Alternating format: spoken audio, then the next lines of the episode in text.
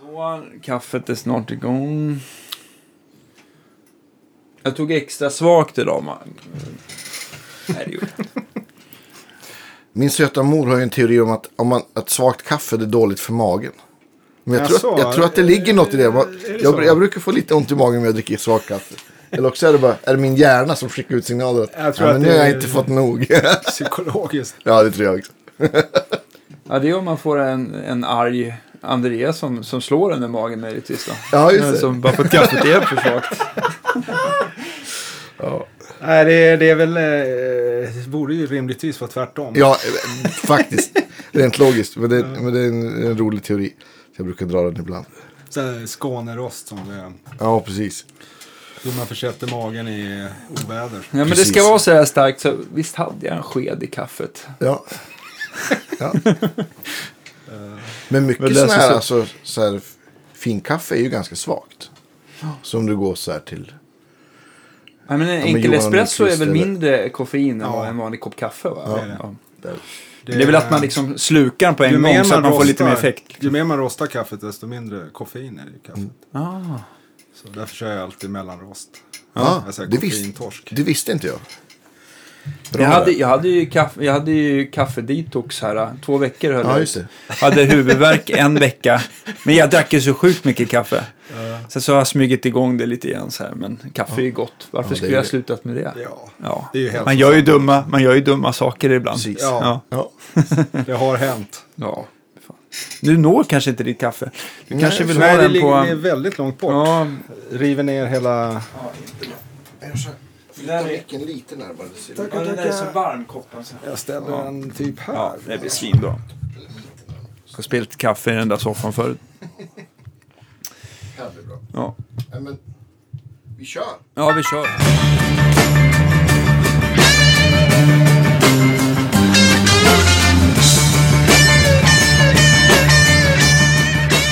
Vi kör. Väl, välkomna till Guitar Geeks eh, podcast, mina damer och herrar. Eh, jag har eh, mig här, som Ja. vanligt. Och Är du här, Andreas. Danne? Ja, jag är här. Och eh, Andreas eh, mustaschen Rydman. Ja! Sveriges hårda, hårdaste arbetande gitarrist får man ändå kalla dig. Ja, det vet jag inte, men... Ja, men jag har bestämt ska man, ska man säga tack på det? Jag Ja, tycker du alltid, du alltid, alltid när jag ringer dig så har du gitarren i näven så att det måste ju, det måste ju betyda Jag försöker så gott jag kan. En annan grym gitarrist har vi som gäst idag, nämligen från skitkul. Umeå, Magnus Lindblom. Välkommen. Yes, tackar, tackar. Du, du är väl, är, du, du har bara, är det bara att du har bott i Umeå eller är du även uppvuxen där? Jag är född i Lund.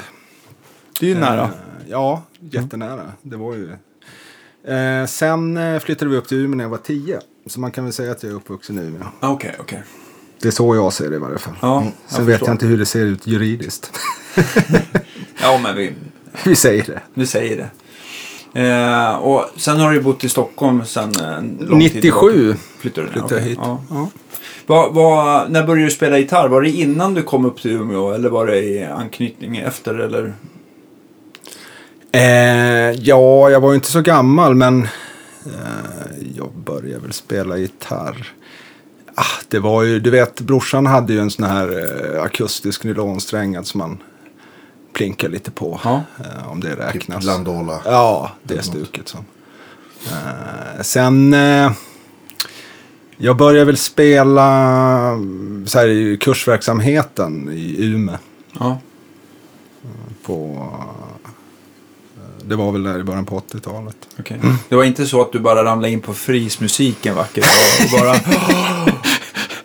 insöp atmosfären? Så var det faktiskt inte, Nej. men man skulle kunna tro det. Nej. Eh, nej, utan eh, det är väl som för de flesta andra. Jag växte upp i ett hem där det eh, var väldigt mycket musik. Okej, är det någon av dina föräldrar som spelar också? Farsan lirade piano. Ja. eh, och lyssnade mycket på Mahavishnu, eh, olika former av progmusik eh, och så vidare. Eh, Och eh, på den vägen så uppmuntrade väl eh, speciellt farsan då mig att börja spela gitarr. Ja. Tror jag. Eh, Och sen var det ju en annan aspekt i det hela. Det var ju, min brorsa var ju ett stort Kiss-fan. Och eh, Ace Frehley? var- Ja. ja. Så eh, jag, jag, jag, alltså det är så långt tillbaka jag minns det ens en gång inte. Men eh, jag, innan, innan modersmjölken höll jag på att säga. Ja. Om möjligt så, så hörde man ju Rock'n'Roll Over och eh, den här första Kiss-skivan. Ja. Och så vidare. Vilken Eh, är favorit-Kiss-skivan så här efterhand? Alive. Alive. Mm. Det är nog den. Men eh, hur som haver så, så eh, när jag var fem så eh, skulle jag och brorsan åka in till Lund. Vi bodde lite utanför och köpa ett Stratego. Om du minns det spelet. Så det klingar bekant. Eh, så vi fick, eh, om jag minns rätt, 45 spänn av morsan. Så åkte vi in och skulle köpa Stratego. Brorsan kom på den geniala idén att du, vi köper en Kiss-skiva istället. Så eh, vi smet in på en, en eh, skivaffär och köpte Destroyer. Yeah. Som precis hade kommit ut. Ja. Så det är den första skivan jag köpte någonsin när jag Ja. var fem år gammal. Ja, coolt. Och eh, ja, det, den har jag kvar. Ja. Var, var, magiskt. var morsan extas när ni kom? Nej, tvärtom. Hon, eh, Kiss var ju så här, de var ju rebeller på 70-talet. Ja, det var lite farligt kanske. Ja, riktigt. Så hon var skitförbannad faktiskt. En storebror fick, fick skäll. Ja, Ja. verkligen. Verkligen. Framförallt brorsan. Ja. Men var så det började för, för min del. Ja. Eh, Med, med, och eh, Ace var ju coolast i världen. Som. Ja. Han var ju, jag hade ju, som så många andra pojkrum på 70-talet, smockat med sådana här poster eh, Kiss-planscher. Ja. alltså. Överallt. Så, ja, och när han stod där med spruta rök ur gitarren. Ja, och. Ja. Men gud, man tyckte det var farligt det första Ja. gången man fick höra de där grejerna. Och sen så när man lyssnar på idag så bara så är det ju väldigt så här snällt och tralligt. Ja, Ja. Nej, men det var ju, alltså jag minns eh, när eh, Kiss lirade på Olympen. Eh, vad var det, 76 eller något sånt där. Okej. Eh, I krokarna. Eh, så var det en efter, först och främst ville jag ju gå dit men det fanns ju inte på världskartan. Jag ville gå dit med min farsa. Ja. Eh, men det, Han var det, inte lika på. Nej, han var inte lika på. Som, men hur som helst var det, var det en bild på Gene Simmons när han står där och spyr blod i, eh, jag tror det var Arbetet. Ja. En, en tidning. Vi växte ju upp i en sån här vänster 70-talsfamilj. Ja. Så, så det var arbete som gällde. Och, eh, och så stod det vandaler på stan. Eh, och, så var, och morsan läste det. Och hon blev så förbannad. Så hon ringde in till tidningen. Alltså det är sånt här man minns från, från uppväxt. Ringde in till tidningen och skällde på dem. Hur kan, hur kan Kiss få komma och spela? Och, är fruktansvärt. Förstår ni inte hur det här påverkar barnen? Och så vidare. Ja. Det var ju som upplopp. Alltså det, det var, Kiss var rebeller på 70-talet. Så. Ja. Var, nu är det ju nu är det något annat. Så. Nu, nu går man ju dit med sina ungar typ. Och, ja, Ja. Det här lät ju trevligt. Ja, om man vill se alltså band som gick liksom steget längre där. Jag, titta, har ni sett den här ehm, Lords of Chaos? På, den kom ju ut här i, i veckan på, på iTunes, alltså video movies. Ja. Nej. Man kan hyra den där. Den handlar ju om det norska bandet Mayhem. Aha, okej. Där är- kan man säga att det är en munter historia. Okej. Fan. Ja, men den är sevärd alltså. Det, det, Är, är den det? Ja, den man, är, inte, den man är, får inte mardrömmar då? Nej. Alltså om man är känslig får man nog det. För att det är jä... Alltså han Jonas Åkerlund som eh, ligger bakom filmen. Ja. Han, eh, han, eh, han får ju se ganska Evil ut. evil ut. Ja, ja. Men Mayhem, det låter lite senare än, var det ja det, är, det är 90-tal, tidigt eller? 90-tal va? Ja, Ja, Så att det är nor, nor, nor, norska... Var det med norska- han greven? Vad hette han?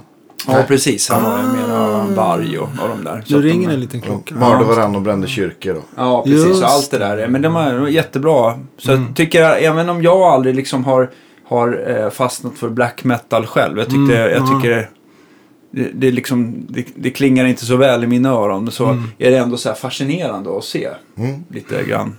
Musikdokumentärer är ju alltid kul. Ja, ja, tycker jag. spelar Ja, ingen det- roll vad det är. alltså, det, är, det, är väl en, det är väl baserat på en verklig historia. Hur, så, Ja, men det är gjort som en spelfilm. Ja, det är gjort som en spelfilm. Aha, så att, okej. så att den är inte, dokum, det är inte dokumentär. För jag har Nej. sett någon sån här, någon, någon, någon eh, dokumentär om, eh, eh, om black metal. Jag tror att det var en, eh, från Norge. Sådär. Och den tyckte jag inte var sevärd. Eller den var för, det var för low budget. Ja. För det var liksom inget kul att titta på. Men det här var jättebra. Så att, eh, ja. Coolt. Eh, be- då, ja, det är sällan vi kommer med videotips sådär. Men, eh, men, men det var plötsligt mycket händer bra. det. Ja. Tack. Men äh, åter till Kiss. Tillbaks till Kiss och 70-talet. Men jag tänkte Ja. så här, nästa band som kanske tog det där äh, steget längre än Kiss, det måste väl typ vara W.A.S.P. eller någonting Mm. sånt där. Det var det med stor sannolikhet. Men då var jag av eh, det tåget. Som Ja. var ju, då var jag lite för gammal. Eller för gammal vet jag inte. Men jag hade som släppt det där då. Det Ja. var ju på, när Vad jag hade, kom du då, tagit ta- 80 vad hade du tagit tag i istället? Ja, då blev det mer... eh, I början på 80-talet var det mer så här Judas Priest, uh, Iron Maiden, eh, de där banden. Saxon, Mm. eh, Accept. Accept gillar jag väldigt mycket. Då hade det, då hade Jag det här... hoppade eh, över så här Purple och... Nej, det kom senare. Ja. Det kom senare. Jag är ju ett enormt stort Deep Purple-fan. Ja. Men var, upptäckte, du, eh, upptäckte du Purple innan eller efter Yngve? Eh, nej, det, det var Purple. innan. Det var innan. Ja. Det var innan. Eh, så, så, så i de tidiga tonåren så lyssnade jag jättemycket på den här eh, New Wave och British Heavy Metal Ja. Som. Eh, sen i mitten på 80-talet där någon gång. Då tyckte jag att hårdrocken eller heavy metalen blev för eh, hårdrock som man sa på den tiden.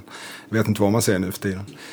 Hårdrock är ett bra ord. Ja. Vi behåller det tycker jag. Ja, Men det var inte så lika kategoriserat kanske Nej, då. Det var bara hår, hårdrock. Man sa ju när Metallica kom så sa vi i varje fall speed metal. Ja. Och det, det är ju inte rätt idag att säga det. Kanske. Det är väl thrash metal man säger nu Ja, precis. Eller det sa man kanske på 90-talet också. Ja. Ja, ja. Ja. Det känns ju som att man har, har, har liksom klumpat ihop. Det spelar liksom ingen roll om det är Iron Maiden eller om det är Judas Priest eller AC/DC så är det classic rock.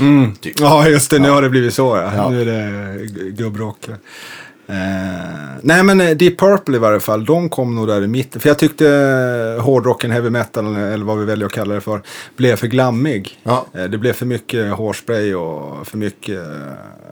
eh, den, den, den, den Det blev... var inte så tufft. De övar Nej. mer på att uh, tupera håret än att eh, spela kanske. Ja. Nej. Ett, ett, ett, ett av de, egentligen det enda amerikanska bandet med den stilen, var- det var Van Halen. De, de gillar enormt mycket. Och det gör jag alltså. fortfarande också. Andreas, du gillar väl Van Halen? Ja, herregud. Jättemycket. Så Van Halen var, det är väl undantaget då från Ja. de här amerikanska. Men det, det var väl ändå, om vi säger att Ace Frehley var den första så här gitarrhusguden hos dig som, som knockade dig. Vem var liksom, var Van Halen nummer två sådär? Eh, oj. Eh, nej, det var Blackmore. Eh, man ska ju komma ihåg också. Men, men eh, ja, i varje fall i mitten på 80-talet. Eh, så så eh, började jag eh, lyssna mycket på eh, 60 och 70-tal. Eh, och eh, Deep Purple var ju ett av de banden då. Led Zeppelin, Jimi Hendrix, Janis Joplin. Ja, och så vidare och så vidare. Eh, och den andra gitarrhjälten, det, det, det är svårt att svara på exakt i kronologisk ordning. Så, men, Men Blackmore eh, var en av Blackmore dem, är, om jag skulle titta tillbaka på det idag så, så, så det var säkert eh, annat däremellan. Eh, Eric Ja, Clapton vet jag att tidigt eh, med John Mayall Blues Breakers. Ja. Det var ju den skivan satte sig fort. Alltså, den... Än idag Ja. tycker jag Eric Clapton, eh, som han lirar på den skivan, det är ju magiskt alltså. Ja. Och i Cream också. Sen vet jag inte vad som hände, men eh, just där på 60-talet var ju Clapton. Han började med heroin. Ja, det kan vara det. Lä, det är dagens boktips då. Läs hans bok säger Ja, jag. okej. Och också en jättebra film. Life Ja, in 12 just bars. det. Just det. Men, ja men precis, för Clapton han har väl så här typ stora... Jag vet inte om jag förväxlar med någon annan men det var väl så här, han, tog, han drogade väl så mycket så att han har liksom, det är som ett blankt papper, stora Mm. delar av hans liv liksom. Fyra, fem år där från, från 70 liksom. Så Ja, han lämnar nästan inte sitt hus nästan. Ja, just det. Så, ja, det är så ja. jävla tragiskt alltså. Nog, nog, nog om det, men Ja, Men han var grym på 60-talet. ja. ja, shit. Sån jävla ton, alltså sånt häng. Där, det, alltså jag förstår ju det här eh, hypen om, av Clapton. När man lyssnar på de här tidiga skivorna. Alltså det är ju sjukt bra. Sjukt musikaliskt alltså. Ja, Ja, visst. men liksom lite som Hendrix och även Blackmore och de där, att de var ganska noga med soundet. Så. Mm. Ja. det var liksom, eller de hade ju givetvis det i fingrarna också. Ja. Och så fick de ju spela så starkt de ville. Ja, just det. Marshall Mayer på 11 som. Ja. Shit vad starkt det måste vara. Ja. Men man tänker så här, Clapton, då han, då han kom fram och, och samma med Beck så, så var ju det liksom revolutionerande gitarrspel. Otroligt liksom ekvilibristiskt och nytänkande och liksom. Jag kommer ihåg när jag lärde känna dig. Jag, jag, kan, det här är, jag ska försöka återberätta det så, så eh, korrekt som, som möjligt.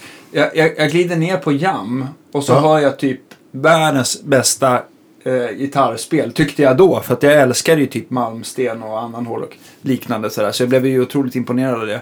Och då stod jag alltså eh, eh, Magnus och eh, nu ska vi se. Eh, Eh, Magnus och Magnus blir det va? Ja, Eh, Magnus Hen- Henriksson. Henriksson.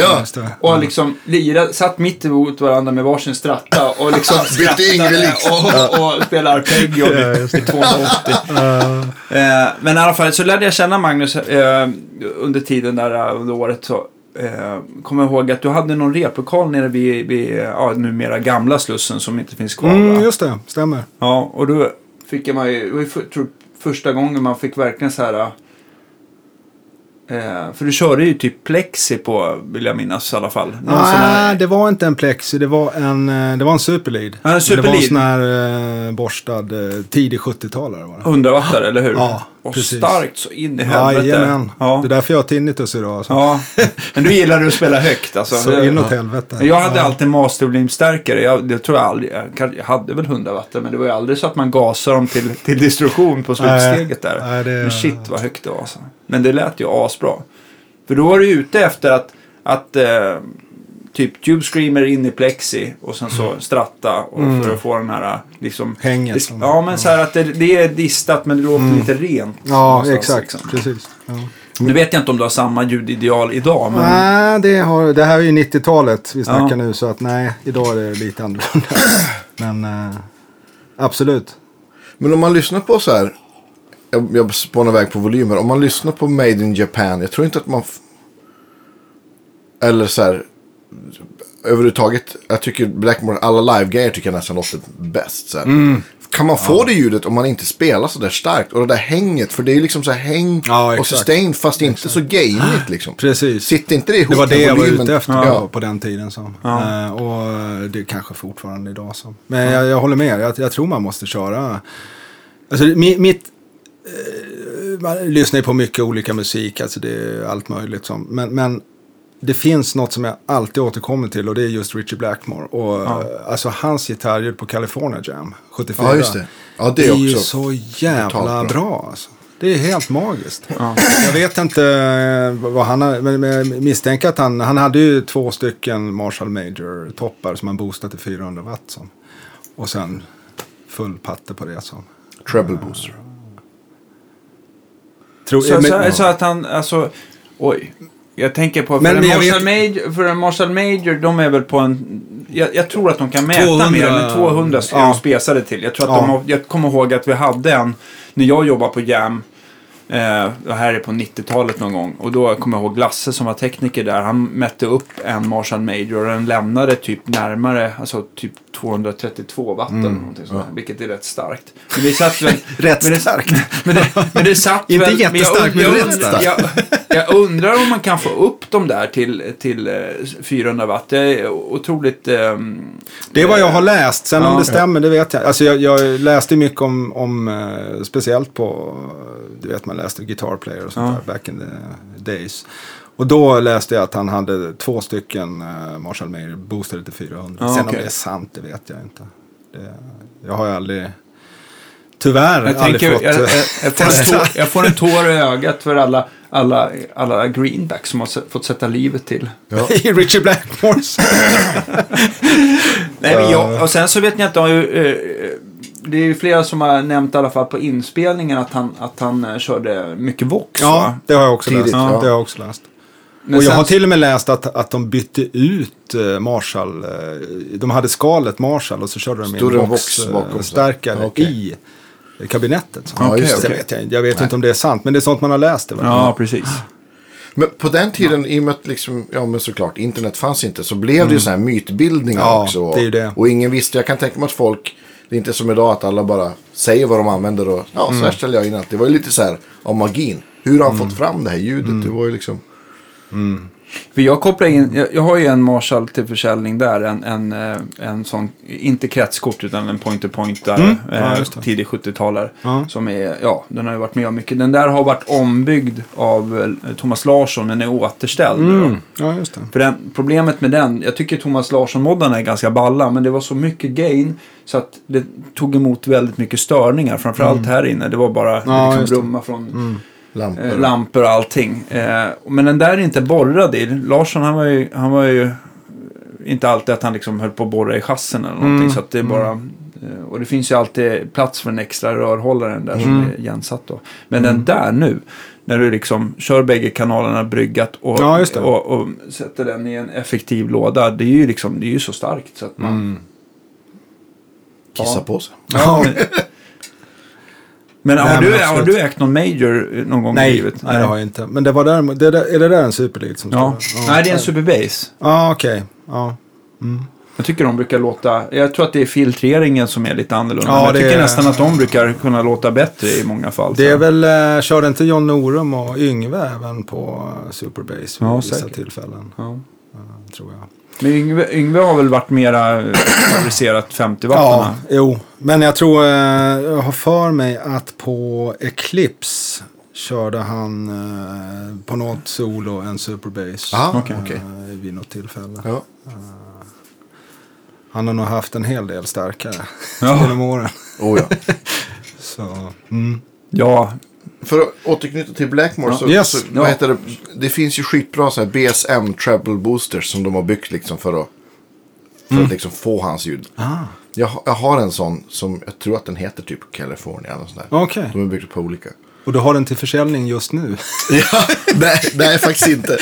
Men- men- allt du- är, alltså, testa jag den. tror att du kan måste byta testa din stratta. Ja, exakt. Lite jämnt.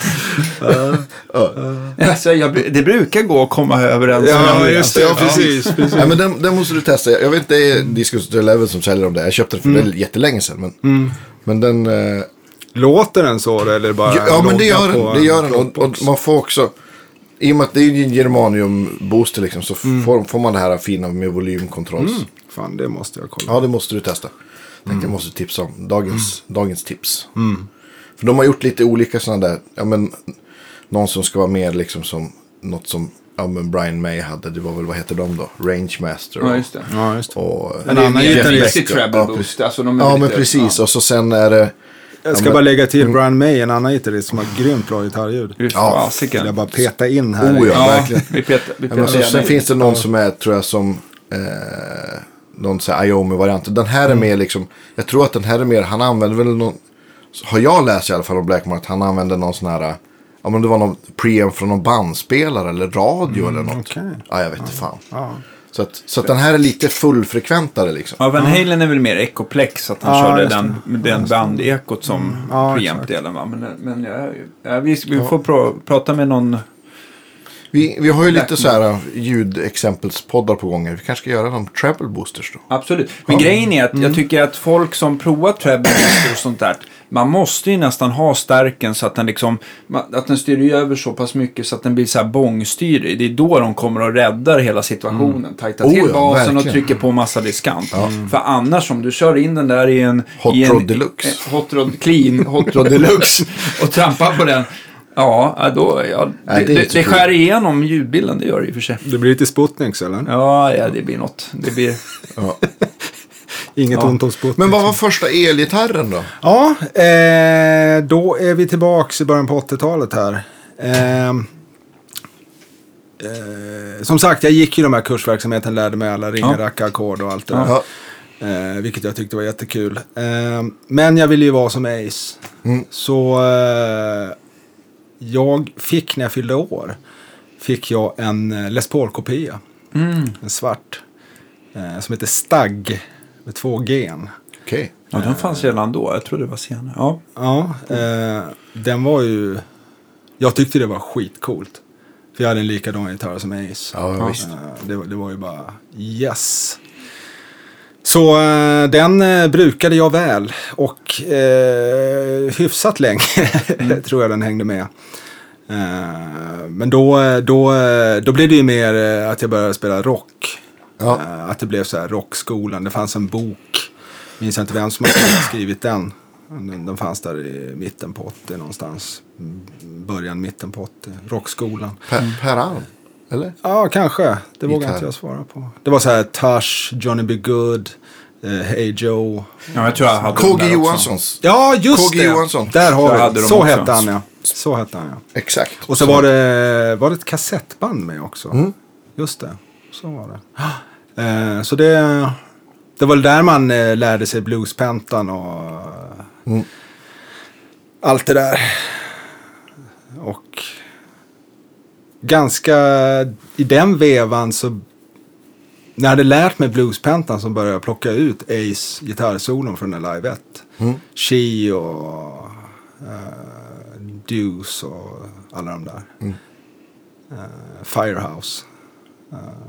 Man klarar sig med bluespentan. Man klarar sig bra med bluespentan när det Ja. kommer till Ace. Eh, men det var, det, var, det var som en... eh, det var ju helt fantastiskt för det, det var som en hel värld att öppna sig. Åh, nu kan man plocka ut Ace Frehley's gitarrsolon. som. Fan vad coolt. Så... Ja, Träffar du någon, eh, någon eh, fick du, är du självlärd sedan dess eller har du gått hos någon pedagog under, under Eh, jag är ju väldigt mycket självlärd. Jag är lite sådär att jag ska göra allting själv. Det är lite Ja. min personlighet. Ja. Ja, det har ju är gått lite bra. såhär, Ja. eh, Jag sjunger som jag vill, KSMB. Eh, eh, så, så är jag. Men, jag, men fars, farsan hade en kompis som, eh, eller har en kompis, som eh, lirar piano. Så här jazzigt och, och så vidare. Han hjälpte mig lite med det musikteoretiska och sånt. Eh, han spelade lite gitarr också. Han lirade en sån här Beatles-grej på 60-talet och sådär. Så Han var lite husgud i början där. Så han lärde mig lite, ja, instruera lite grann och sådär. Ehm, men, men, men utöver det så var det inte så mycket. Det, det var inte så att jag gick på eh, hos någon lärare och så. Ja, Okej. utan jag satt där med kassettbandspelaren och spolade tillbaks, Ja. rewind och sen försökte man plocka ut Ace gitarrgrejer. Så. Ehm, ja, på den vägen. Ja. Du är nog inte den enda som har, Nej, jag tror att vi är ganska många som har gått den vägen. Ja, Hela vår generation är väl Ace. ja men precis eh, såklart. Det som har gjort gick väl inte ducka för. Nej. N- när, det när ramlade först, eh, när, när började du spela med andra då? Var det också, Ja, det var väl lite där i högstadiet. ja, Då eh, i källaren hade brorsan lirade i trummor. ja, Eh, så att vi hade i källaren hade vi trumset, eh, gitarrstärkare och en keyboard. Farsan hade en keyboard, för Mm. eller piano. Så vi började ju som köra, ja det var ju fan redan i högstadiet alltså. Då man körde så här Johnny B. Good och allt det där. Som man hade lärt sig i rockskolans Ja. bok ja, då. ja. Ehm, så där, där började man spela med, med kompisar. Och sen Ja. i gymnasiet. Så... Sen började vi, vi, vi... Ja, det var i gymnasiet precis. Eh, då satte vi ihop ett band som körde covers. 70-talsgrejer. Alltså så här Cream. eh, Mm. Allt möjligt. Jimi Hendrix. Hendrix har ju allt... Eh, fullkomligt besatt av Hendrix. Eh, och eh, där körde vi då på, på gymnasieskolan, Dragonskolan i Umeå. Körde vi på, uh, repade vi där Mm. i deras musiklokal. Är det liksom bara Hendrix i stort eller har du en specifik platta eller, eller tid? Av? Hendrix i stort. Ja. eh, olika, eller du tänkte här och nu eller tänkte du då? Nej, eller överhuvudtaget då. Ja, det det mesta med Hendrix. Hendrix har nog hängt, han är också en sån där guru.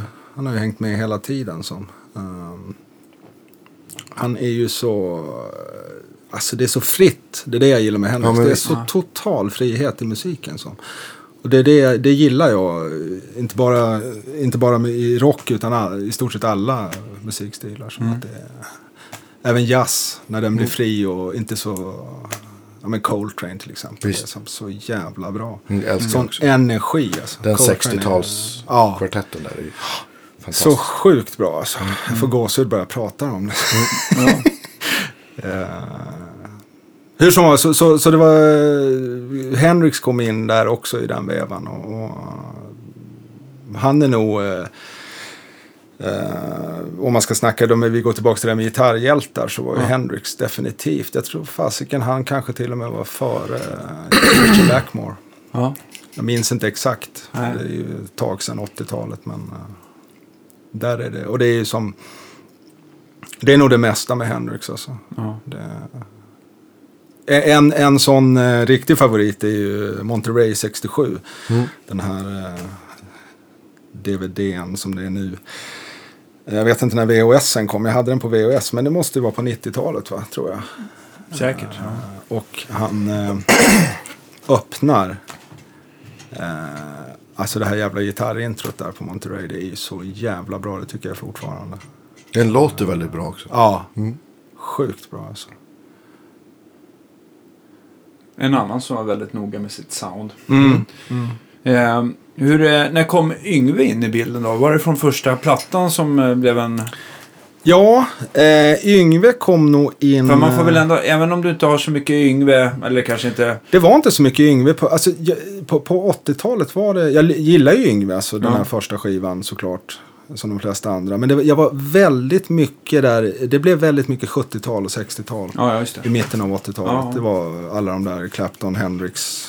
Uh, Zeppelin får vi inte glömma heller. Nej. Jimmy Page, eh, också en sån. Uh, Yngve kom nog lite efter det där. När man, när man hade eh, matat sig igenom eh, alla 60-70-tals... När det blev för lätt. Ja, det är, inget är lätt om det ska göras bra. Eh, men eh, när man kanske ville bara, ja men du vad är det här för något? Ja. Eh, harmonisk mollson, vad är det för någonting? Ja. Eh, det blev lite så att man ville hitta något annat och då mm, kom Yngve in i bilden. Ja, det- då passar han bra. Ja, då passar han bra. Och eh, han, han, Yngve, jag egentligen gillar jag inte den här shred-grejen eh, överhuvudtaget. Vilket kan låta konstigt kanske, men Yngve är ju ganska fri i sitt spel också, tillbaka till den här friheten. Yng, Yngve är ju, han är lite som eh, Richie Blackmore, eh, but faster. Så att eh, det, det kom ganska naturligt in på Yngve där. Han är inte så här eh, som, som vissa, vissa shredders som sitter med metronom och är så exakta. Alltså. Då tycker jag det blir tråkigt när det blir för... Ja, han flyter ju mycket, Ja, han flyter mycket mer över tidsaxeln. Ja, exakt. Och det Jag tycker, tycker nästan jag är att det, det kan man hitta i, kanske man inte ska säga att Van Halen är en shredder heller. Han, han, men han låter också som Ja, att han liksom jo, flyter precis. Det är någonstans. levande. Det Det blir är väldigt levande. levande. Det är levande. Det, ska, det, det är så Till skillnad det- från, jag tänker på, vad ska man dra till Paul med? Gilbert. Paul Gilbert, John eller så här Petrucci. Winnie Moore, eller Ja, Petrucci de där. Som är fantastiska gitarrister, Ja, men det är absolut. väldigt mycket mer så här, Absolut. det känns som inboxat på ett annat Men, men sätt. det, det, de är ju självklart eh, helt magiska. Men, men det, jag har aldrig tilltalats riktigt av det. Nej. Men det är lite samma här. Ja, det, det är väl en smaksak bara. Ja, de ja, är absolut. fantastiska. Jag, Ja, självklart. Det, de är, Ja, vi vill ju inte göra oss ovän med någon. nej, nej. men det går inte att vi är ducka ju för. svenskar. Vi Ja, kan inte hålla precis. på... Nej, men jag gillar Paul Gilbert. Och jag tycker han är liksom, han är så här, för att plussa honom lite så, han har liksom fortsatt utvecklas. Till skillnad mot många av de här Ja. som Det har ju kom faktiskt... fram den där eran. Liksom. Richie Kotzen har ju också... Nej, Exakt, verkligen. precis, Han är ju verkligen. ganska också, man gillar, jag tror att jag gillar de här killarna som har ga- eller en ganska blå underton. Så här, som Richie Kotzen ja. har det också. Vet jag inte om Paul Gilbert är så himla blues egentligen. Jo, men Äh, nu är han det. Men, men, men det jag tycker man hör med, med Richie Kotzen och eh, Paul Gilbert också då. I, när de lirar då en annan stil så blir det lite styltigt ändå. Eller det blir väldigt så här exakt. Eh, och, och det är... mm, Ja visst. Det, det, jag gillar när det som du säger flyter lite på tidsaxeln. Vad man än spelar som. Eh, inom den afroamerikanska musiktraditionen. Och jag vet inte om man spelar eh, Paganini kanske man måste vara. Men, men eh, när det kommer till eh, rock, jazz, soul, funk och sånt där så tycker jag det, det ska vara levande. Så. Eh, det är min. Och, och, då, och då blir det för, är man för på, eller är man för exakt kanske jag ska säga. Så, så blir det i, i mitt tycke inte så intressant. Men, men, men eh, nu vet jag inte hur mycket du har suttit själv med metronom. Jag, jag blev ju eh, tillsagd av till exempel, eh, jag tog Jan, Jag har suttit en hel del med med, med Ja. Granvik. Jag säger att det har varit så här nyttigt, men jag tyckte det var så jävla tråkigt. Mm. Jag tror att någonstans när man övar gitarr eh, så måste du, jag vet inte, jag måste bara tycka att det är roligt. Annars får det, Ja, annars... Det måste man, annars orkar man inte mer. Alltså. Nej, det är så så här, jävla mycket i- arbete. Idiotövningar till metronom, det, är- alltså, det orkar man ju i perioder kanske. Men det, Ja, men så här, m- motoriska grejer. om man ska spela saker och, och liksom bli bättre på att spela precis så är väl metronom jättebra. Men Mm. kanske ska skilja på den typen av övande och, och kanske öva på att improvisera. Det blir ju Helt rätt. Det håller en med. helt annan, ett annat, annat ingångsläge. Liksom. Ja. men jag märker, Men det är det, Dizzy Gillespie har väl sagt något sånt här om att metronomen dödar musiken. Som, och det, det är väl Ja. i det kontextet när man ska lira en låt som så. Jag tror, jag tror så här eh, med, med metronom, om man blir så pass bra till att spela metronom att man kan själv välja vad man vill ligga över metronomen beatmässigt. Att man inte bara ligger på slaget, för det är väl då det kanske blir så här statiskt och inboxat och tråkigt. Men just att man kan liksom välja om metronomen ska driva om man ligger lite behind eller att man är Ja, lite före men ändå att man har den som någon slags ryggrad som man Ja, liksom dansar omkring så Absolut. tror jag att, men man ska ju komma dit också. Ja, Inte... man kan fördjupa sig i allt. Ja. Ja, ja, verkligen. Ja, men det tycker jag, om man, om man spelar in saker eh, eh, till metronom, vi säger att vi, man sp- spelar in på andra eller om jag proddar någonting, så tycker jag att det kan vara en, en idé att kanske bara trummisen och kanske basisten har klicket, men de andra får inget klick. Nej, Nej men det För- håller för- jag helt för med om. Det håller jag helt med om. Trummisar är ju skitvana att spela till klick. Och de har liksom, men men för, för en, en gitarrist eller keyboardist eller någon som, någon som kanske inte är så van att förhålla sig till klick sådär så kanske det bara, så är min erfarenhet att det kanske dödar och då blir det så mycket fokus på att jaga Nej, det jag- klicket så jag då, då lyssnar de inte på de andra Jag musikerna. håller helt med. Så då är det bättre att bara, Spot on, det håller jag med om. trummisen kan spela till klick och så de andra spelar som lyssnar Sen på trummisen det som vanligt. i eh, dessa moderna tider när ingen spelar in samtidigt så, så är ju klick nästan nödvändigt för trummisen i varje fall. Ja men precis. Om man sk- skickar en, en eh, låt till en trummis så är det ju klicket nästan, eh, eller ja det blir ju jävligt svårt för trummisen att lira utan klick som Ja, ja, verkligen. Så. Men nu finns Logic har i senaste uppdateringen, för nu spårar vi totalt Ja, men det är bra. här. Vi brukar ju Ja. spåra. De, de, har, de har gjort en funktion som, så att den liksom läser av och kan göra ett klick av en... Om vi sitter här och spelar en låt med som gitarr bara så kan den räkna ut. Och ser ett klick. alltså. Och, och tittar man på axeln så rör den sig liksom hela tiden. Jag, jag, te, jag testade bara så här på Mm. kul och det, jag har inte använt det Den har skarpt. inte Men fått det, error eller impossible. Ja. Nej men så att det, det verkar funka. Ja. Superparentes. Are you nuts? Ja. Så. Ja, en liten skvätt till kan man unna sig. Ja, tycker jag. Jag har druckit så mycket kaffe så att jag Studsa snart. studsar ut härifrån. Ja. Men det hör väl till. Ja. Men var det, var det Yngve eller Blackmore som fick det att bli så här? För jag, jag, alltså för att bli stratta. Det var Blackmore. Dude, det var Blackmore, ja. Absolut.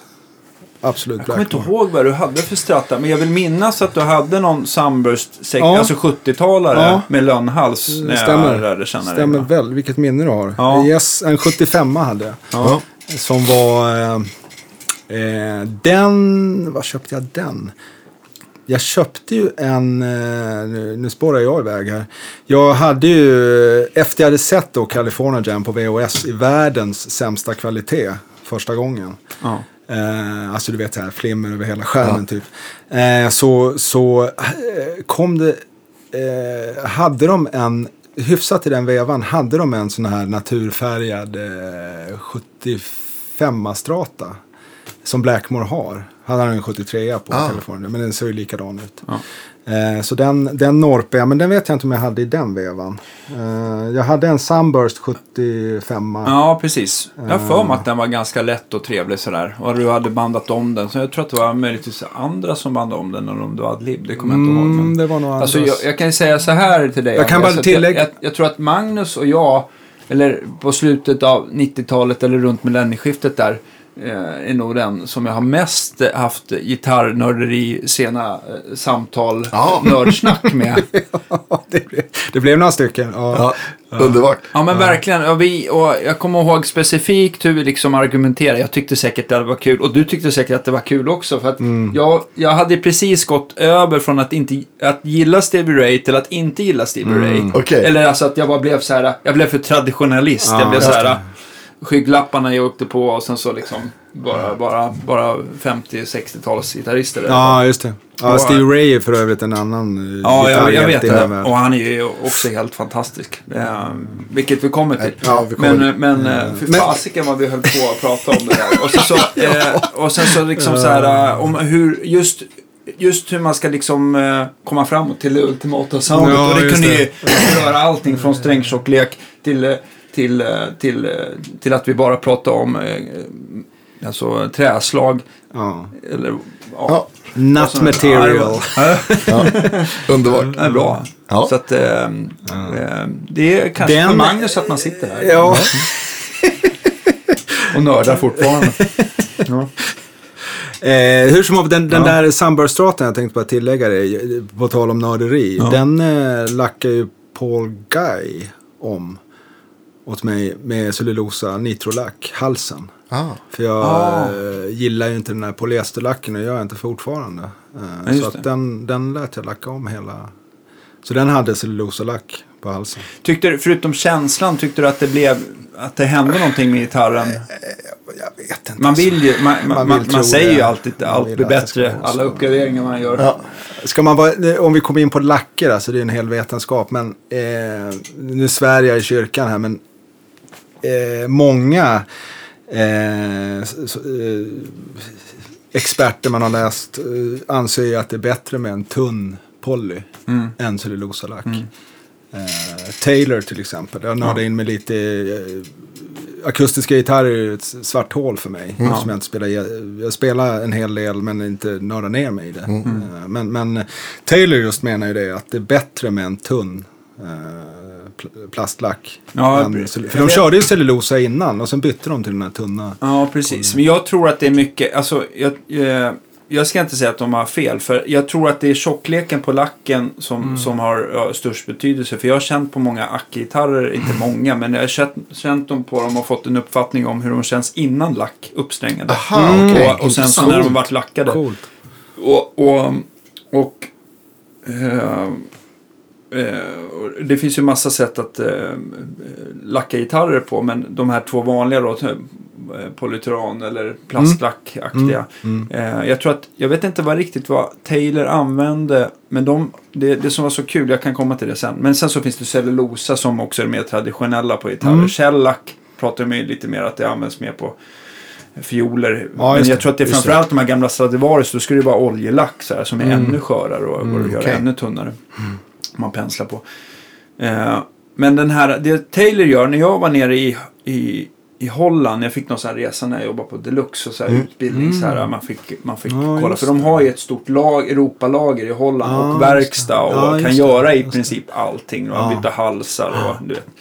Och då, då eh, menar de på att deras lack är ju, ehm, är ju typ en eh, så tunn som man kan typ lacka cellulosa. Så här, s- jag, jag vet inte om det är en tiondels eller ett par tiondels millimeter. Hade eller de cellulosa på den tiden då? Nej, inte då. Det var den här UV-lacken. Ja. Och det som var så tufft med den, det var att han, han tog fram en tuschpenna Mm. och sen så liksom så ritade han på locket. Alltså bara skrev något namn Ja. så här. Max eller jag vet inte. Men eh, och sen så eh, gjorde han så att han eh, duschar med den här plastlacken eh, och eh, eh, härdade den under UV-ljus. Alltså det tog typ Mm. Ja, det. ingenting. Ja. Så var den torr. Och man bara kände att det var liksom, det var ingenting. Så var den slipbar. Mm. Så han kunde polera upp så att den, den var, han kunde lacka in på en 10 minuters period Ja. så hade han lackat in den där signaturen så att den bara liksom såg ut som gitarren bara var gjord så liksom. Ja. Och sen så Ja, ja. gjorde han tvärtom då att han bara tog så här grovt sandpapper, några, ett finare. Eh, lack, duscha upp det med den här lacken igen under UV-lampan.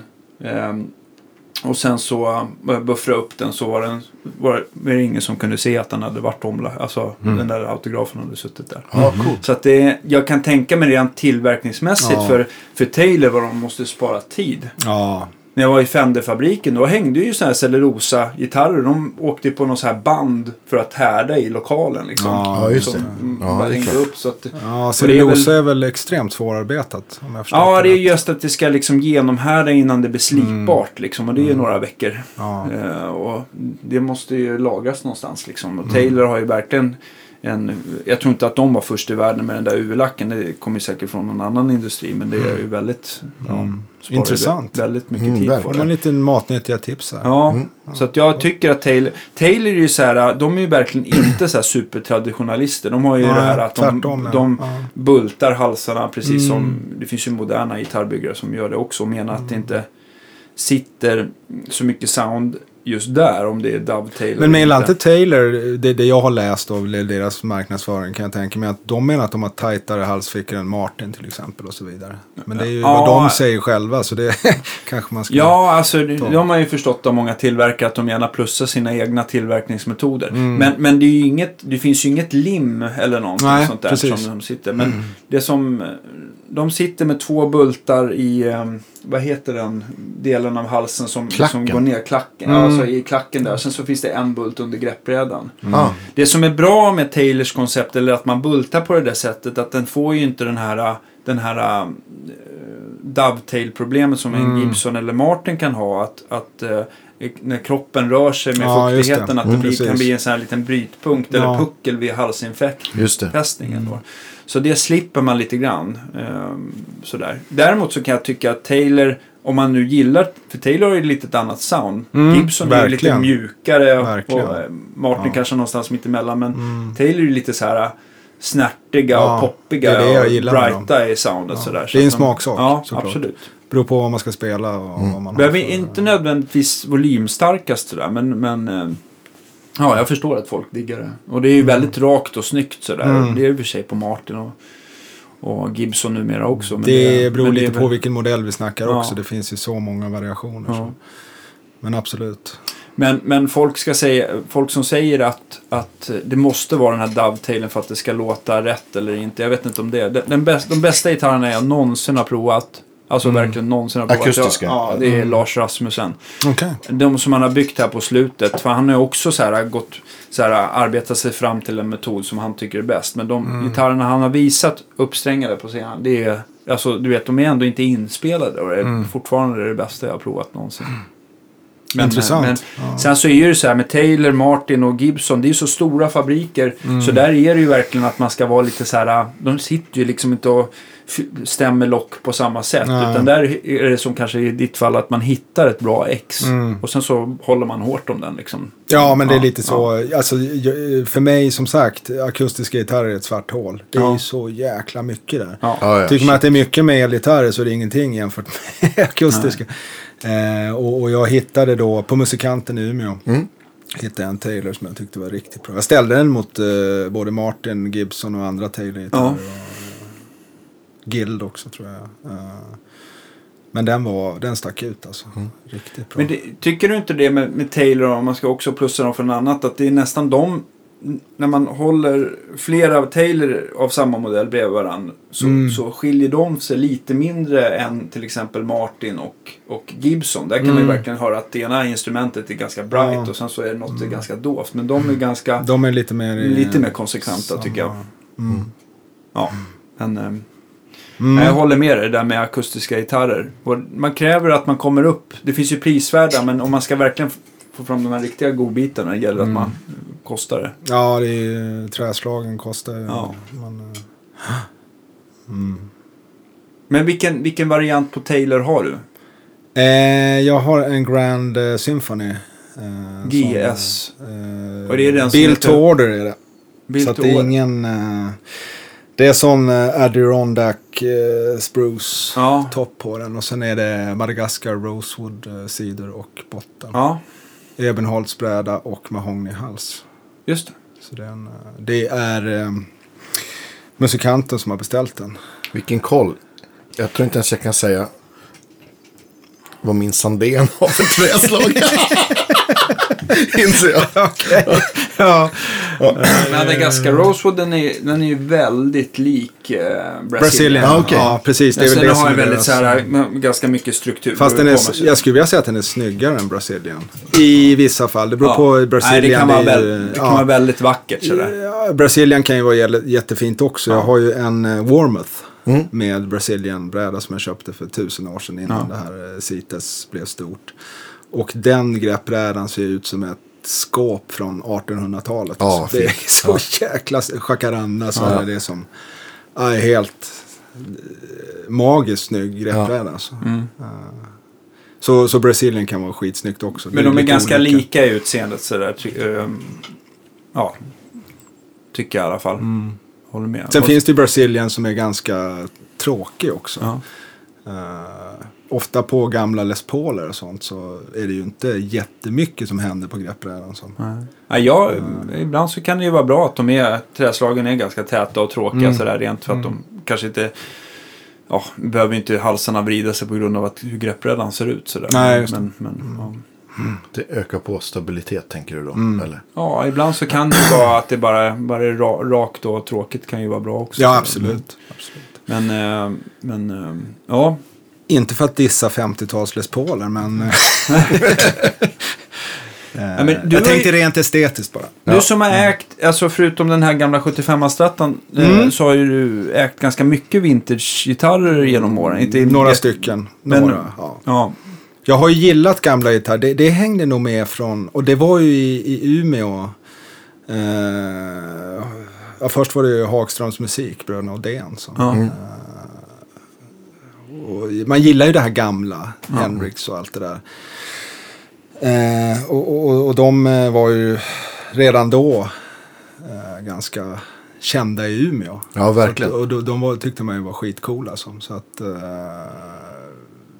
vintage-grejen, jag tror, tror lite att man inspireras ändå. Av, Men, av, men har de, hur har de varit, eh, förutom att de har jobbat i butik och sålt grejer där, men är det sådär att det dök upp en, en fin gammal vintagegitarr så, så åkte den in i gråzonen bakom och fick aldrig se dagens ljus igen? Lite så kan det nog ha varit. Ja.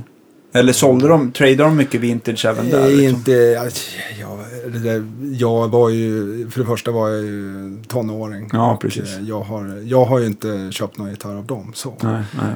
Eh, är ju ett, Jag har kollat på några av deras gitarrer och testat och, och, och eh, det var någon Les Paul där som jag var intresserad av men det blev aldrig något att jag köpte någon. Så. Nej. Man hade ju inga... Gitarrerna var ju mycket billigare då. Alltså vintagegitarrerna kostade inte så mycket på 80-talet men det var fortfarande för mycket för mig. Så. Ja, just det. Eh, Min första eh, vintagegitarr, om man nu inte tycker att 70-talare är vintage, så en 66a Strata köpte jag där. Eh, fasiken var det? En Sunburst 66a.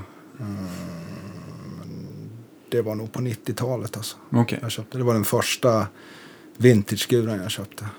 Eh, det var ju ändå en CBS. Mm. Så att, eh, ja. Är det vintage? Jag vet inte. Vissa menar ju på att vintage bara är pre-CBS. Men Jaha, jag skulle nej. nog säga att 66 är vintage-gitarrer. Så. Ja, jag skulle nog säga att jag skulle även eh, inte ha något problem att säga att vintage för mig även sträcker sig upp till, ja, i alla fall de här tidiga 80-tals... Ja, Okej, så pass. Ja. Ja, vissa Jag är ju tycker- så jag här puritaner och nej, bara pre-CBS. Jo, men alltså självklart Lite så... Är, löjligt när så. ja, men jag tycker ändå så här att man har känt på Ja. många gamla gitarrer också. Jag tycker inte Mm. allt, allt är ju inte guld liksom. Nej, nej, nej, nej, nej. Oj, Jag ty- jag don't tycker- get me started på den frågan. Nej, men men, alltså- det är en sån hype kring vintagegitarrer.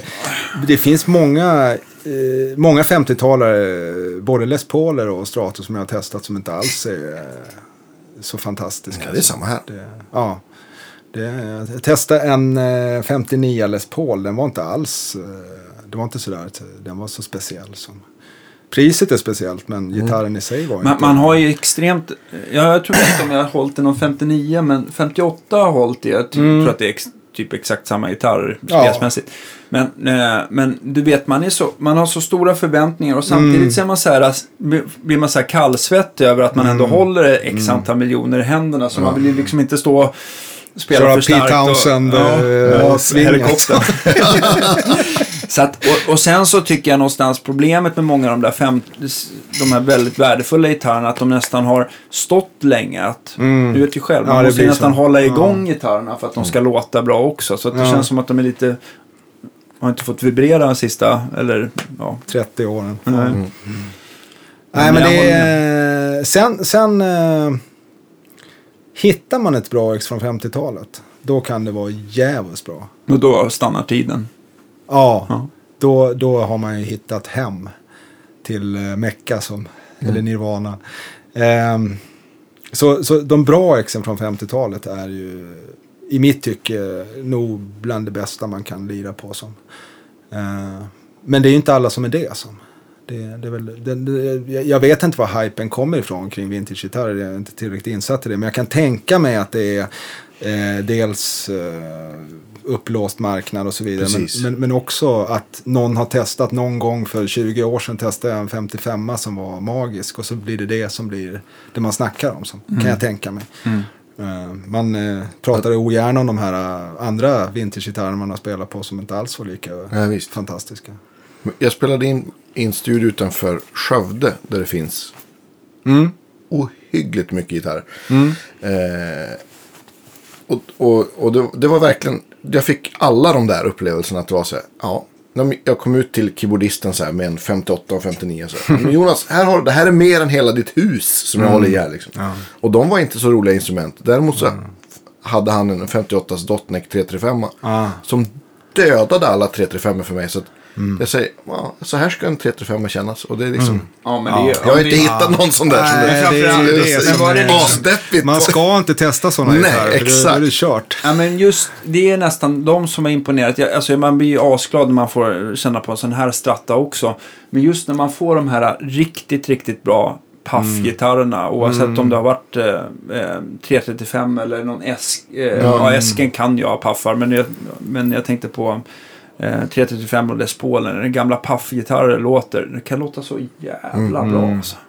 Ja, absolut. Det låter som- Självklart. Jättestora single. Vi ska inte sitta här och dissa vintage-kuren. Nej, nej, verkligen inte. Det, Nej, det finns, alltså som sagt, de exen som är bra, de är ju, de är bäst. ja. Ja, 175 har jag provat som har låtit helt Mm. grymt också. Så här. Annan typ av gitarr givetvis. Vi- Du, du nämnde just gitarren som är bredvid en, en jättefin. Den kanske, kanske kan få vara med på bild sen. Ja, Ja, den kan jättegärna få vara med på Det är en bild. jättefin, eh, i princip orörd 57-stratta va? 57-58, ja, precis. Eh, Kroppen är eh, november eh, 57 och halsen är vecka, Mars. månad 3. Ja. Mars, ja, precis. 58. Och Originalstäm- det är en ganska vanlig kombo har jag sett. Jag har ju nördat ner mig lite i blonda. Det är en blond med askkropp. Mm. Nördat ner mig lite i det. Och det är en ganska vanlig så här, just de dateringarna på blonda har jag Okej, okej. sett. Det är okay. vanlig, det finns ju inte jättemånga av dem. Men, men jag har sett andra som har exakt samma datumstäm- datum. Det är inte stämplar, de är skrivna med en blyertspenna. Mm.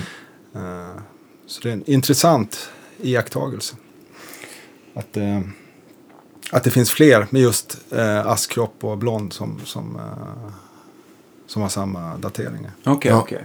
Nej, för jag, jag vet inte om det är så, men jag, eh, jag pratade med Hasse, fantastiska Hasse på Adlib Mm. angående just ehm, eh, gitarrlacker och sånt där. Mm. Det finns ju Sunburst, det är ju några det är ju moment eftersom du ska lägga då, beroende på om det är två eller tredelad Sunburst. Men, Mm. men jag tror att blond, just den färgen, den är lite extra pyssel med. det är Ja, många, det är en många, askkropp också. Ja, De precis. Det är många, till- skikt, det är många skikt alltså att, att ehm, Det är svårare att, till lacka asken al. Som, Ja, det, ja, dels det tänkte jag. Men just att just den blonda finishen, att få den rätt. Och just att de är lite burstade längst ut som din Mm, Mary Kay. ja, de är lite tjock, eller ja, mer solid lack på kanterna. Ja, det är några moment till i alla fall för att få till den rätta blond, blonda finishen. Vad jag förstått det som i alla fall. Var det inte därför de bytte, vad jag har läst i varje fall? De, de eh, körde ju med askkroppar i början. Sen där i 57... eh, Ja, 56 har jag för mig att Alen kom. 57, Ja, precis. Men det, det finns, jag tror det finns 57 också.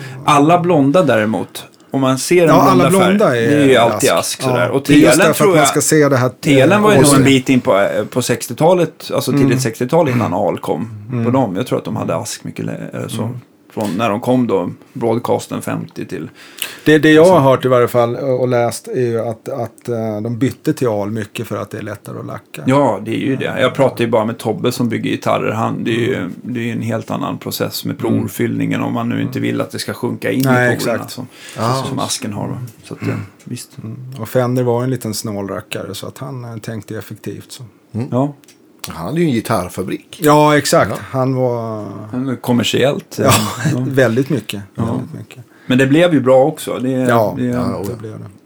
Ja, den där lät ju jättefint och spelade väldigt bra också. otroligt bra Mm. faktiskt. Alltså det här, den, den här eh, stratan tycker jag nog är den bästa strata jag någonsin har eh, Mm. ägt. Mm. Så, Ja. eh, Det är magisk ton och sen eh, är den väldigt skön att spela på också. Ja, eller hur. Och den har du låtit ombandat hos Hasse också, va? Med Den är någon, ombandad av kändes som någon slags medium.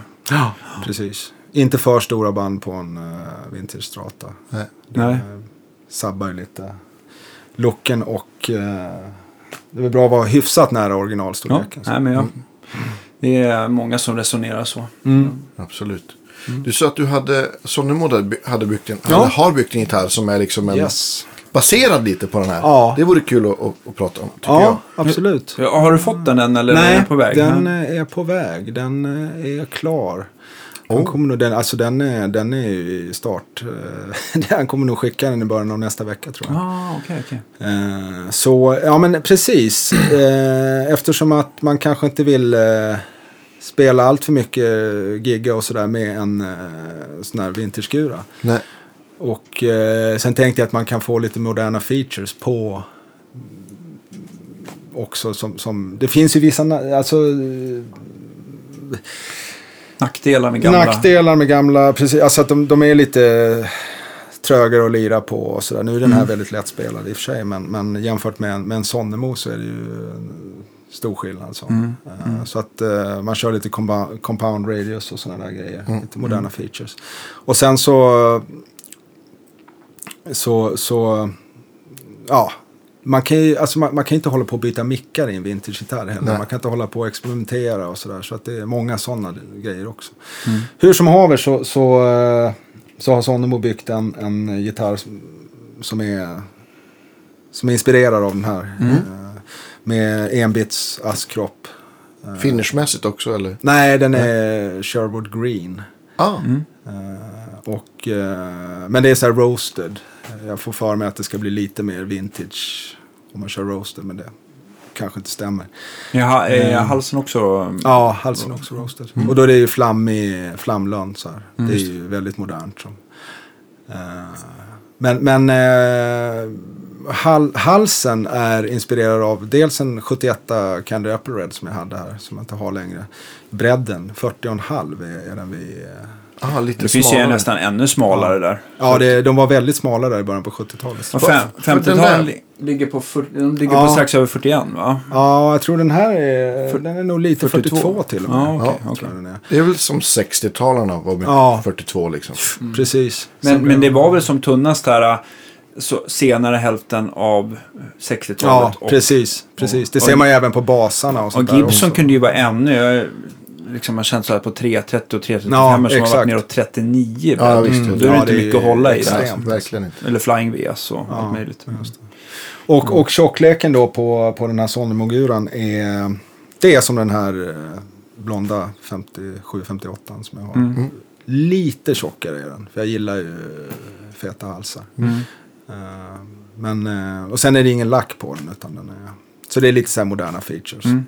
Vad valde du för mickar och stall på den då? Det är Sonnemos Vintage, vad kallar han dem för? Ja. Hans mickar. Ja. 50 vintage, något Mm. fat, eh, bla bla bla. Jag vet inte. Hans version av Vintage. 50-tals strata mickar. Vintage 50s Strat. Ja, exakt. Något Eh, sånt. Pa- sånt. power plus eh, Ja, exakt. Strat. Precis. mega. Nej då. Ja, men, eh, jag gillar ju Sonnemos gitarrer. Han bygger ju riktigt bra. ja, men Ja, du har haft några stycken också. Ja, jag har haft två. Har jag haft. Ja, Jag, jag har vet att det är, en- det är väl en som är liksom lite mera lyxigare modell. Ja, Omnia. Eh, vad heter de nu igen? Master Omni, heter de så? Ja, just det. En sån har jag. Och sen har jag haft en Strata också. Det var ju den, det var länge sedan. Det var ju när han körde vanliga Strata-huvudet och eh, Ja, i just det. början av hans byggkarriär. Så, Mm. Eh, så det, var, det var en helt vanlig Strata. Mm. Eh, eh, men men eh, Straterna som Sonnemo bygger idag tycker jag är fantastiskt bra. Alltså. Ja. Ja, verkligen. Riktigt bra gitarrer. Och de är, det är väl lite det jag är ute efter. Alltså kombinationen vintage modern Mm. överlag. Eh, är, även när det gäller stärkare så, Mm. så tycker jag det är det ultimata. Alltså. Vad, vad är det för, om vi liksom eh, går över till stärkar, vad är det som du gärna jackar in eh, gitarren i idag? Eh? Rock. Rock, ja. Rock. Eh, starkare är, är inte lika nördig på starkare som jag är på gitarrer. Bara det är starkt. ja, Vilken Turok? vad sa du? Vilken Turok? Eh, vad heter den? Classic eh, Reverb Signature heter den. Ja, just det. Tycker jag är riktigt bra. Den tror jag inte jag har pluggat in i någon gång. Var hittade du den någonstans? Den köpte jag av en kille i Trollhättan. Okej. Fantastiskt starkare faktiskt. Mm, för jag vet Malmö jag musikaffärer har väl tagit till in Mm. Ja, men de har. Ja, och sen så eh, Elvan brukar väl ta hem Mm, han var på väg. Ja, just det. Jag tror att han snubben i Trollhättan sen, om han hör på det här kan han ju kom kommentera. Men jag tror att han köpte en likadan sen igen. han. Exakt, det gjorde Ja. han. Jag, har, jag träffade honom på eh, This Goes to Eleven. Och då berättade han det. Att jag, Ja. han, eh, han, har, han eh, har en hel del stärkare. Ja. Och eh, Friedman och allt möjligt. Och eh, så sålde han den här. Eh, jag tror att han hade bara haft den i tre månader någonting. Ja.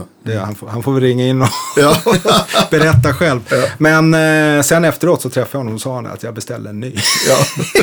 Ja. Men, men vad är den baserad på? Ska den vara... För det låter ju som att den Det här är en ganska med- Fender-ren. Ja, absolut. Ja. Det är väl en Dumble. Eh, Turok börjar väl med att göra Dumble-kloner som jag förstår det. Och eh, det är väl i sin tur Fender starkare som... eh, men Ja, det, det är det, det, drar åt Fender-hållet, absolut. Ja, precis. Rent och starkt. Ja. Det är det. Sen har de ju lite features från Dumble, de här rattarna och allt det där. Som looken lite grann sådär. Är det en tvåkanalare eller ren? Eh, två tror jag det är. Ja. Faktiskt. Ja, alltså jag använder bara... Jag, jag är ju så här när det kommer Allt till på starka. fullt bara, Ja, nej inte nu för tiden. Nej men alltså jag, jag är ju väldigt så här. Jag är ingen sån här ljudnörd på det sättet. Alltså jag ställer in ett ljud Det råder ju delade meningar om det. kanske gör det. Jag kanske är mer ljudnörd än vad jag Nej men alltså.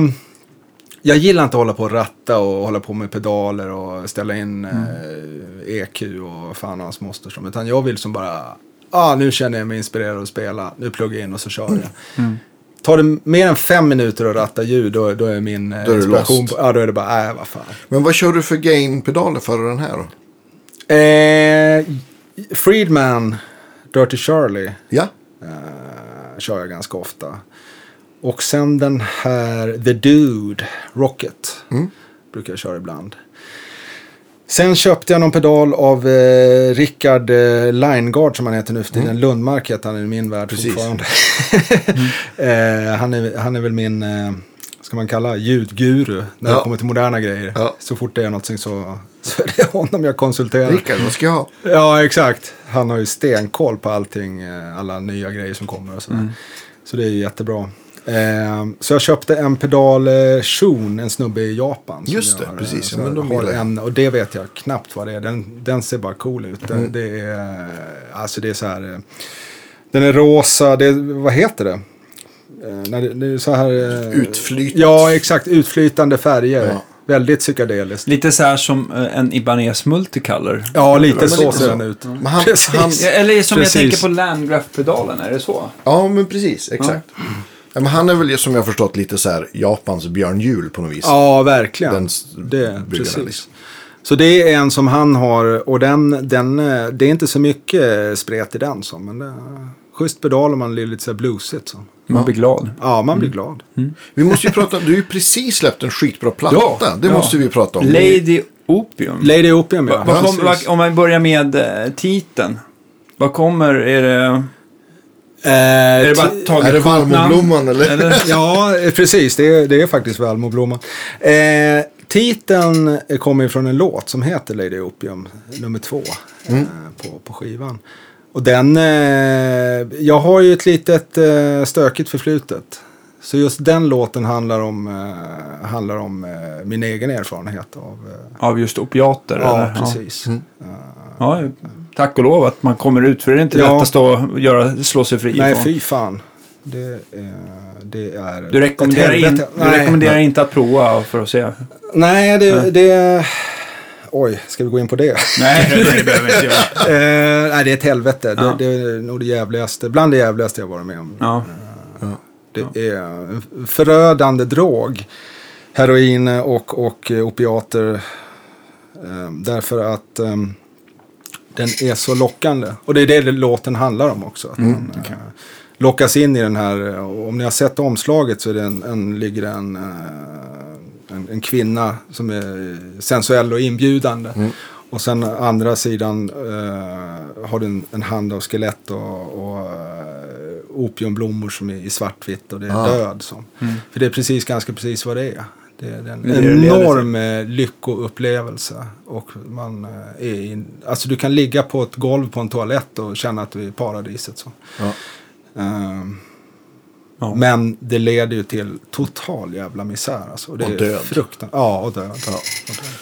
Jag har eh, vänner som har gått bort av heroinöverdoser och så vidare. Mm. Är fruktansvärt. Eh, så det handlar, det, det är main track och den, den, den låten har jag skrivit, det är om mig själv. Mm. Eh, andra låtar eh, har eh, Approximation of Bliss till exempel. Har en kompis till mig skrivit som jag tycker är en jättebra text också. Är, men eh, hur, är- hur är sättningen på, på skivan? För det är ganska, det är ganska mm, stjärnspäckat. Får man väl ändå får man säga. lugnt säga.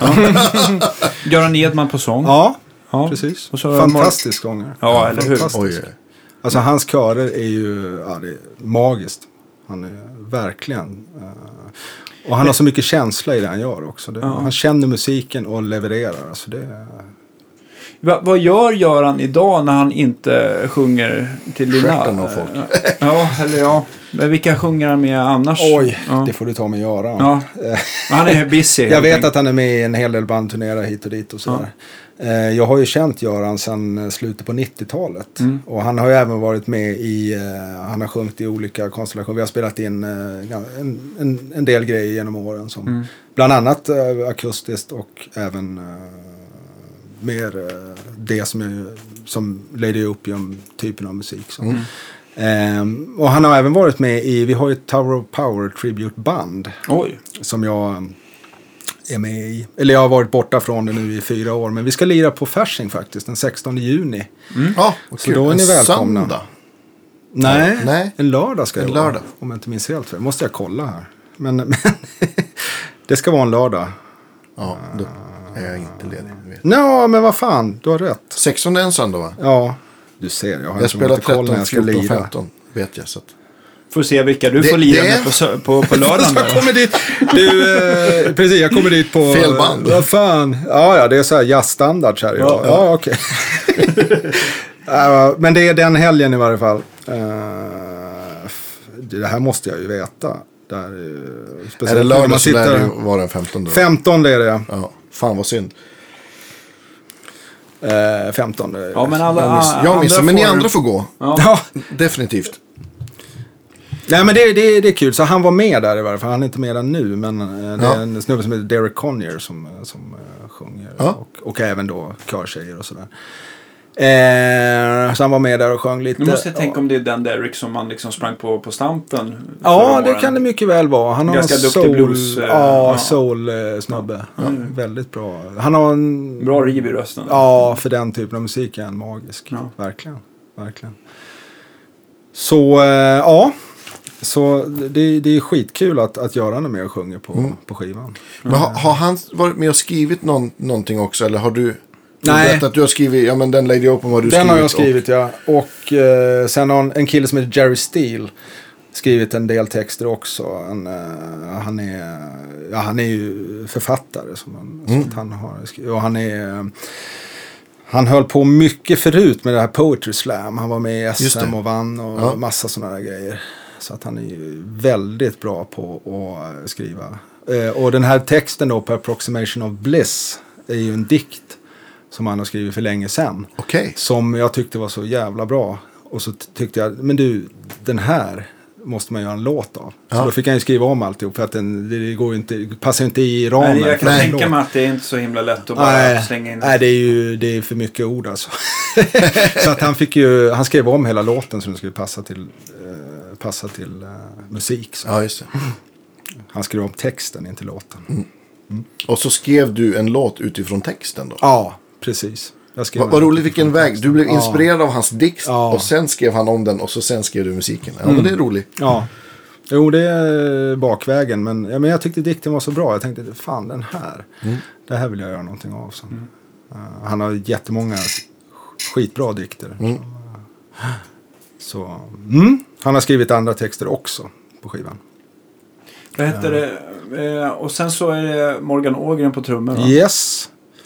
Det, det- detta fenomen. Detta fenomen, Ja, ja, han är ju, jag behöver kanske inte säga något men en av mina absoluta favorittrummisar. Om vi går in på trummisar, med, jag, jag gillar ju Narada Michael Walden, uh, Mahavishnu som hoppade in efter Billy Cobham. Mahavishnu. Alltså det, och det, det, han har det soundet som Narada Michael Walden Den har. lättheten och finessen. Ja, och det svänger så inåt helvete. Och det bara blir så här, alltså det bara, tid och rum försvinner som. Det är Ja.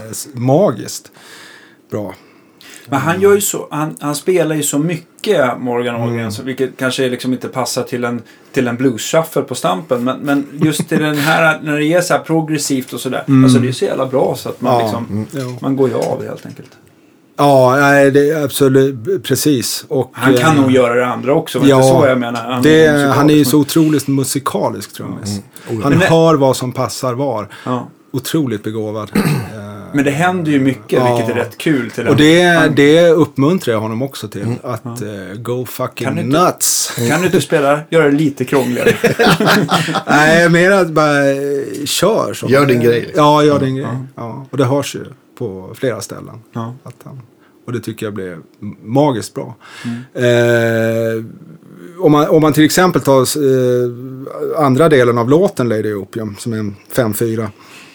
Och där bad jag honom specifikt, alltså, kör bara järnet. Så det blir nästan så här friflytande. Det, är- det är ju kompgitarren lite som håller pulsen. Det är det som är tanken.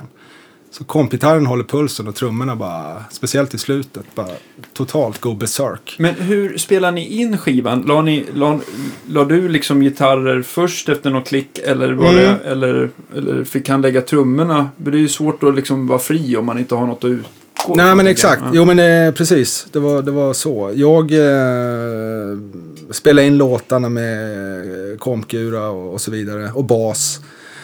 Och sen eh, hade jag, ah, körde bara en sån här trum, eh, du vet, som finns i Allehanda som bara kompar det man spelar. Mm. Sen skickade jag det till honom, la han trummor och sen la jag om. Mm. Eh, så på den vägen är det. Och där kommer metronomen in. Jo men folk som är avslappnade och spelar med metronom Mm. så blir det ju. Så Ja, blir det ja, hur bra som helst ändå. Ja. Ja. Vem spelar bas? Jonathan Olsson. Okej, han känner jag inte. Nej, han spelar med eh, Dynasty. Okej, Ah, just det. eh, Han har även varit och turnerat med Jolene Turner här. Ja just det, jag, har, jag såg ju för att jag vill ju ha Love som, som gäst i framtiden här. Mm. Som är en fantastisk gitarrist. Ja. Ehm, kul, de, fick de säkert spela några gamla fina Yngve-låtar också. Det eh, utgår jag. Rising Force är väl en sån här given med Jolene Turner. Absolut. Ja. Eh, han har spelat sjungit med med Lindemann också. Eh, Men Det lär väl bli lite Rammstein. Rainbow-låtar ja, kanske. det också. Ehm, just det, men, men, men Morgan, han har du spelat med innan. Jajamän. Ja. Jag eh, spelar med Jimmy Ågren. Ja. Eh, Också en, en sån här drömgäst. vi Ja, men visst. Mm. Till, ja. Ja, han är ju magisk också. Eh, Oh ja. Men, men eh, ja, när jag började lira med Jimmy, det var där i mitten på, vad säger man, 00-talet. Ja. Mm. Så var jag med i hans band i pa, sju år ungefär. Mm. Eh, så ja, det var, det var, då lärde jag känna Morgan också i det Såg sammanhanget. jag, tror jag, både på Äpplet i Umeå och tror jag såg jag på Fasching också. Mm. Ja, okej. Ja. För övrigt så har ju Mor- Morgan lirat ju det här Tower of Power bandet Ja, också. okej. Mm. Ska ju kanske tilläggas. Ja. Som en, Om man vill höra honom spela. ja, som ett litet dragplåster. Ja, precis. Må höra honom spela liksom, ja men vanlig musik om man får säga Ja. så då. Ja, nej men Ja. Det, det är ju otroligt kul att lira live med Morgan alltså. Det, Ja, det kan jag tänka mig. Och det, det är, som i Jimmys band till exempel, det är det som, eh, ja det är, det är magiskt alltså. Det gäller bara, man får hålla reda på ettan själv så att säga. Mm. Det, det är det som är tricket. Ja. ja, det är riktigt bra. Har, du, Riktigt har, har, har du, du behöver inte det kanske inte märks när man står live, men känner du att fan, vad är jag nu någonstans? När man står live så här och bara shit, nu har jag tappat räkningen. Eller, Ja, jag, det känns i kroppen på något sätt. ja. Var, var, var man ska vara. Eh, det är inte så att man står och räknar. Utan Nej, men nej, det, men- det, känslan är uh, groovet. Så. Ja. Det löser sig. Det löser sig. Ja. Ska det vara fritt ska det vara fritt. Ska det vara fritt ska det vara fritt. Jimmy har ju släppt en skitbra platta som, Mm. som eh, sist vi sågs var, ja då var han ljudtekniker i, Mm, ja, just det. i, i Lycksele Exakt. på Hotell Lappland tror jag. Ja. Han ska ju flytta ner nu här till Stockholm Jaha, i, vad kul. i juni. Så det, I juni? Ja, då ska han, då är han ju gjuten som gäst. Ja, För- det är det första han tycker kommer jag. göra. För, för Det då, tycker så, jag. För då, då liksom han, han postade en platta till mig och, då, och, det, och då, jag, vet, jag tror inte den finns digitalt än heller. Mm, Då ska vi tjata på honom för det är så bra så att alla måste höra det där. ja, absolut. absolut. Definitely more. Vilka är mer med på skivan? Eh, Samuel Olsson, eh, Jonathans brorsa. Han spelar med Jolin Turner. Eh, och det var så jag eh, träffade honom. Eh, det var på en, en fest. Ove Lingvall i Nocturnal Rights, om ni känner till dem. Har ju, hade såna här enorma fester i Umeå back in the days. Eh, och då lirade Jolin Turner på den festen. Oj, ja. Eh, och eh, ja, på småtimmarna där när man var lagom bladig så hamnade jag i en soffa med, med, med bland annat Samuel då. Så satt vi och snackade musik. Han, eh, de körde Highway Star. Jag är ju stor, ja, i och med att jag är Deep Purple-fan så är jag ju inkluderad så att man är John Lord, John Lord-fan. Och eh, han lirar ett magiskt bra solo på Highway Star. Eh, så, så att jag bara, du vet, packad och... Tackad och glad. Packad och glad eh, sitter man där och, och så börjar vi snacka musik och det, vi brände av hela 70-talet som orgelfantasterna. Eh, och så tog jag hans nummer och eh, ja, sen blev det inget mer med det. Eh, sen eh, då när jag eh, började spela in den här skivan så tänkte jag, ja men Samuel, han var ju en hejare på lite Ja. orgel som keyboard. Så då eh, kontaktade jag honom och the rest is history. Mm. Eh, och så via honom då kom hans brorsa in då, Jonathan. Mm. I, I hela skivan lagt i... För, för ni har inte spelat in så att ni har bokat in er i en stor studio utan allting har folk fått liksom Ja. lä, lägga Ja. i lugn och ro. Ja, precis. På sina precis. egna. I sin egen... Eller... Ja, trummorna la ju Morgan i, hemma hos sig i sin, i sin studio. Eh, git, ja, gitarren la jag ju, den la jag ju fan hemma alltså. Eh, det kan man ju göra nu för tiden. Ja. Så har, Eh. kopplar du din Two Rock... i- Ja, det, det är lite olika där. Eh, när jag började spela in skivan hade jag en Two Rock, eh, vad heter de? Studio Pro 100 heter de. Just det. Eh, så så eh, första hälften är inspelad med den, andra hälften är inspelad med den här eh, Classic eh, Signature Reverb. Mm. Eller heter den Reverb Signature? Som Ja. kanske den heter. Eh, Ja, bra Jag- fråga. Det, det, det, Om det tvistade lärde. ja. Eh, så, så, eh, så det la jag hemma med en sån här eh, Torpedo Live-historia in i ett ljudkort och sen in i datorn. Så. Eh, och basen la vi också hemma hos mig. Mm. Eh, och även keyboard. Mm. Göran har ju en liten studio hemma hos sig. Mm. Så jag åkte ut dit. Långt ut på Värmdö. In the middle of nowhere. och så körde vi. Men han, det mesta tog man ju via telefon. Så. Det är coolt. Det är Den, bit eh, ut till- videon kan man ju lite grann se också. Ja, Inspelning, där ser man, ja. eh, precis, där ser man ju, eh, precis, det är hemma hos Morgan och så är det Görans studio. Mm, precis. Och eh, Jag älskar sånt. gitarren är lagd hemma hos mig. Ja, Ja, det är så här, eh, det kanske inte är den dyraste produktionen. det spelar ingen roll. Det är, Zero det är, dollars. det är sum, summan som räknas. Ja, Musik. exakt. Ja. Ja. Och det är jättebra. Så. Ja. Ja. Vem fick äran att mixa allting sen då? Det är Toontracks grundare i Umeå, Ja. Mattias, eh, mixade skivan. Eh, Men det var liksom inget, just att man spelar in den på lite olika ställen. Mm. Det kan jag ibland tycka att det kanske är svårt att, eller få för mig i alla fall, att det kan vara svårt att få ihop att det låter som att allting kommer från samma. Eller, ja, just det. Alltså har du, en, har du en linad bas och en närmickad gitarr så Och spelar det ingen roll. mm. Så spelar det ingen roll om det är inspelat i, Nej, nej tillsammans ju i så. Sveg eller var för sig i Rio och Tokyo. Liksom. Nej, precis. Det Tänker jag som, som jobbar med sånt också. Ja, det är väl min övertygelse också att det, Det blir ju ingen skillnad om man sitter i, om man gör på det sättet. Om man Nej. sitter i New York eller i Nej. Sveg till exempel. Varför tror jag Sveg? ja, varför? Ja, varför? ja, ja. Nej, det är inget fel på Sveg. Nej. Det är inget fel på New York. Nej, det är det inte heller. Inte Tokyo heller. Nej. Men, Eh. men, Okej, men vilken gitarr fick eh, mest närvara på eh, själva inspelningen då? Är det, har du blandat? Det är blandat hej vilt alltså. Eh, Men min 71 Candy Apple Red Strata, den har jag varit med på eh, väldigt många låtar. Och den, den har du kvar fortfarande? Nej, den har jag sålt. Ja, alltså. Den har jag sålt. Ja, Hur, lång, eh, hur, hur lång tid tog det att spela in hela skivan från, från liksom ax till limpa om man säger så? ja, det är ju när man ska konsultera och hålla på och få in folk och de ska Ja. ha tid och Ja. du vet. Både Morgan och eh, Göran och jo, alla har ju Mycket väldigt eh, späckade scheman. Som, så att, eh, det, den blev ju som inspelad i skov kan man nästan säga. Jag la gitarren och, och skrev låtarna eh, under, vad, vad blir det, våren eh, 2018. Och sen fick man ju vänta ett tag tills Morgan hade lagt trummorna. Så. Och sen eh, var det dödtid däremellan och sen kommer sången, eller eh, jag menar keyboard, keyboarden, eh, basen och, och, och eh, Sången sist, sås- sången sist, ja såklart.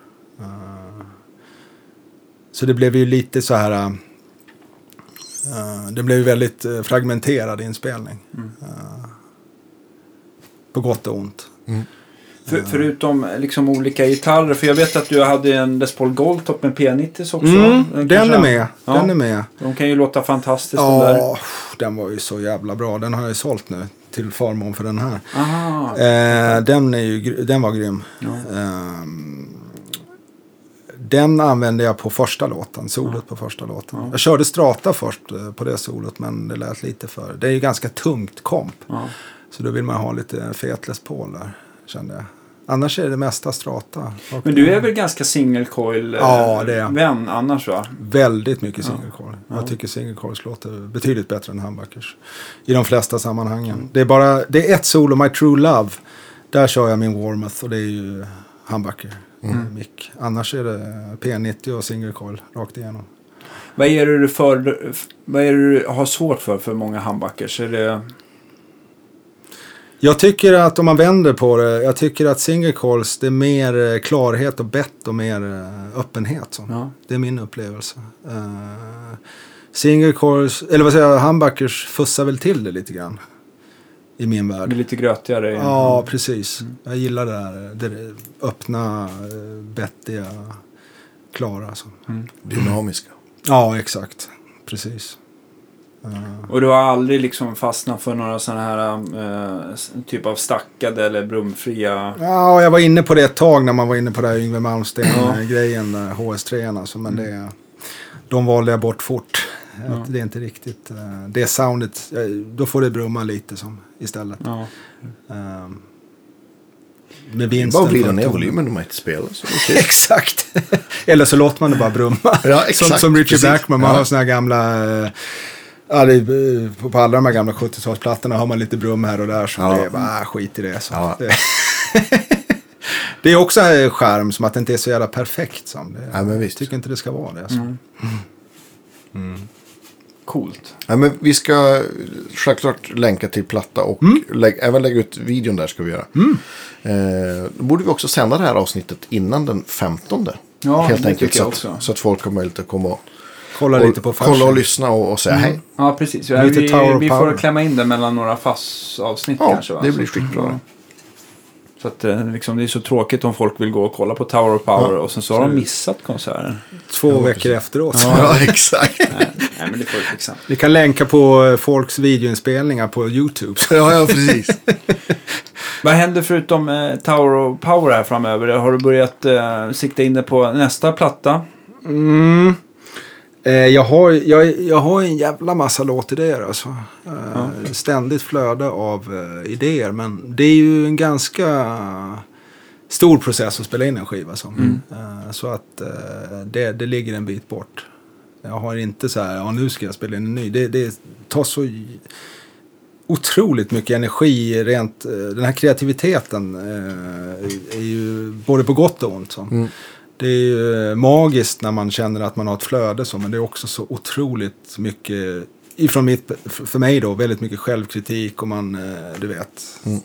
man, man blir som en jävla Frans Kafka som man grottar ner sig och deppar ner sig i saker och sådär. Så att, Mm. eh, så att vi får se Ja. när, när, Nu har du ju släppt en platta. Ja, ju- exakt. Hur ju känns, hur, känns, hur känns plattan nu när den är släppt då? Eh, känns det som att fasiken det där solot skulle jag vilja göra om eller ändra Oj. soundet eller någonting sånt där? Ja, alltså jag är ju sådär hela tiden. Jag, men nu har jag släppt det. Ja. Det är vad det är. Så. Man måste lägga pla eh, Ja, plattan åt sidan ett tag måste innan, innan man precis. kan lyssna på den. Ja, för det blir, ah, fan det där ska jag gjort annorlunda. Varför gjorde jag inte sådär? Ja, vad hände där? Ja, men, Men nu har jag ju köpt den här prylen. Nej, kan det ju vara också så här, eller vad som helst. Ja, jo, nej det är Ja, men man, jag hela tiden. man, det är väl, Och även säga, jag borde tagit det där istället. Jag borde ta den där låten istället. Mm. Varför gjorde jag så här? Jag skulle inte haft med det här. Ja, du vet. Och så vidare och så vidare. men jag tycker att ett, ett, man kan väl se det som ett tidsdokument. Så här lät jag då. Mm. Ja. Och det blev så här. Ja. Nästa Som man, gång som så man blir det något kunde ha annat. gjort annorlunda. Nej, alltså, man, du kan inte släppa det. Nej, exakt. Man måste fortsätta så. Ja, det är svårt. Nej, men jag, jag kan ju tycka så här, efter många plattor jag har gjort har jag spelat in live i studion i Mm. ett rum. Va? Så att det är Jo, både så här på, pålägg och, och sånt att blir lidande. Så bara, varför Mm. ropar jag sådär? Eller någonting. Men Det, är, Det är det, är också så, ett men det finns ju en charm. Även Ja. om de här, om man, det är små saker som ingen annan tänker på så, så ibland så kan de här minuserna behövas för att plussen ska lyfta ännu mer på något sätt. Ja, ja Mm. Att det inte är för städat kanske, precis som en brummande statt. Ja, nej men och sen vet, alltså sen, visst man kan ju gå och ha självkritik och sådär, men man vet inte om det skulle bli bättre om man gjorde det på ett annat sätt. Nej, men Så, precis. eh, Som, alltså jag försöker, det, det, hela grunden för mig när det kommer till musik är att det ska vara kul, man ska känna wow, det här är roligt. Så. Ja. Och det är inte kul att gå omkring och dissa sig själv hela tiden, vilket Nej, man precis. är ganska bra på som, Mm. som, som musiker. Så. Mm. Och det, jag försöker komma ifrån det och säga, ja, men vad det är kul att spela in det här, det var kul att göra det här, som, och så vidare. Väldigt sund inställning.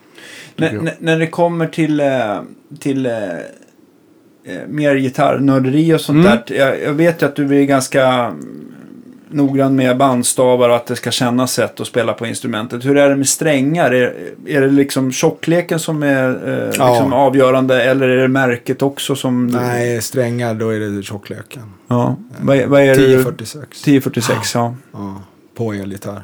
ja. Mm. Inget, inget märke som har favoriserats under åren? Jag har inte nördat ner mig så mycket i det. Nej. Eh, Den djungeln. Man är ju, eh, det är samma sak med plektrum. Jag har kört på samma jävla plektrum sedan eh, 90-talet. så. Får jag gissa? Det är de här mörklila Dunlop 2 mm. Nära, en och en halv gröna.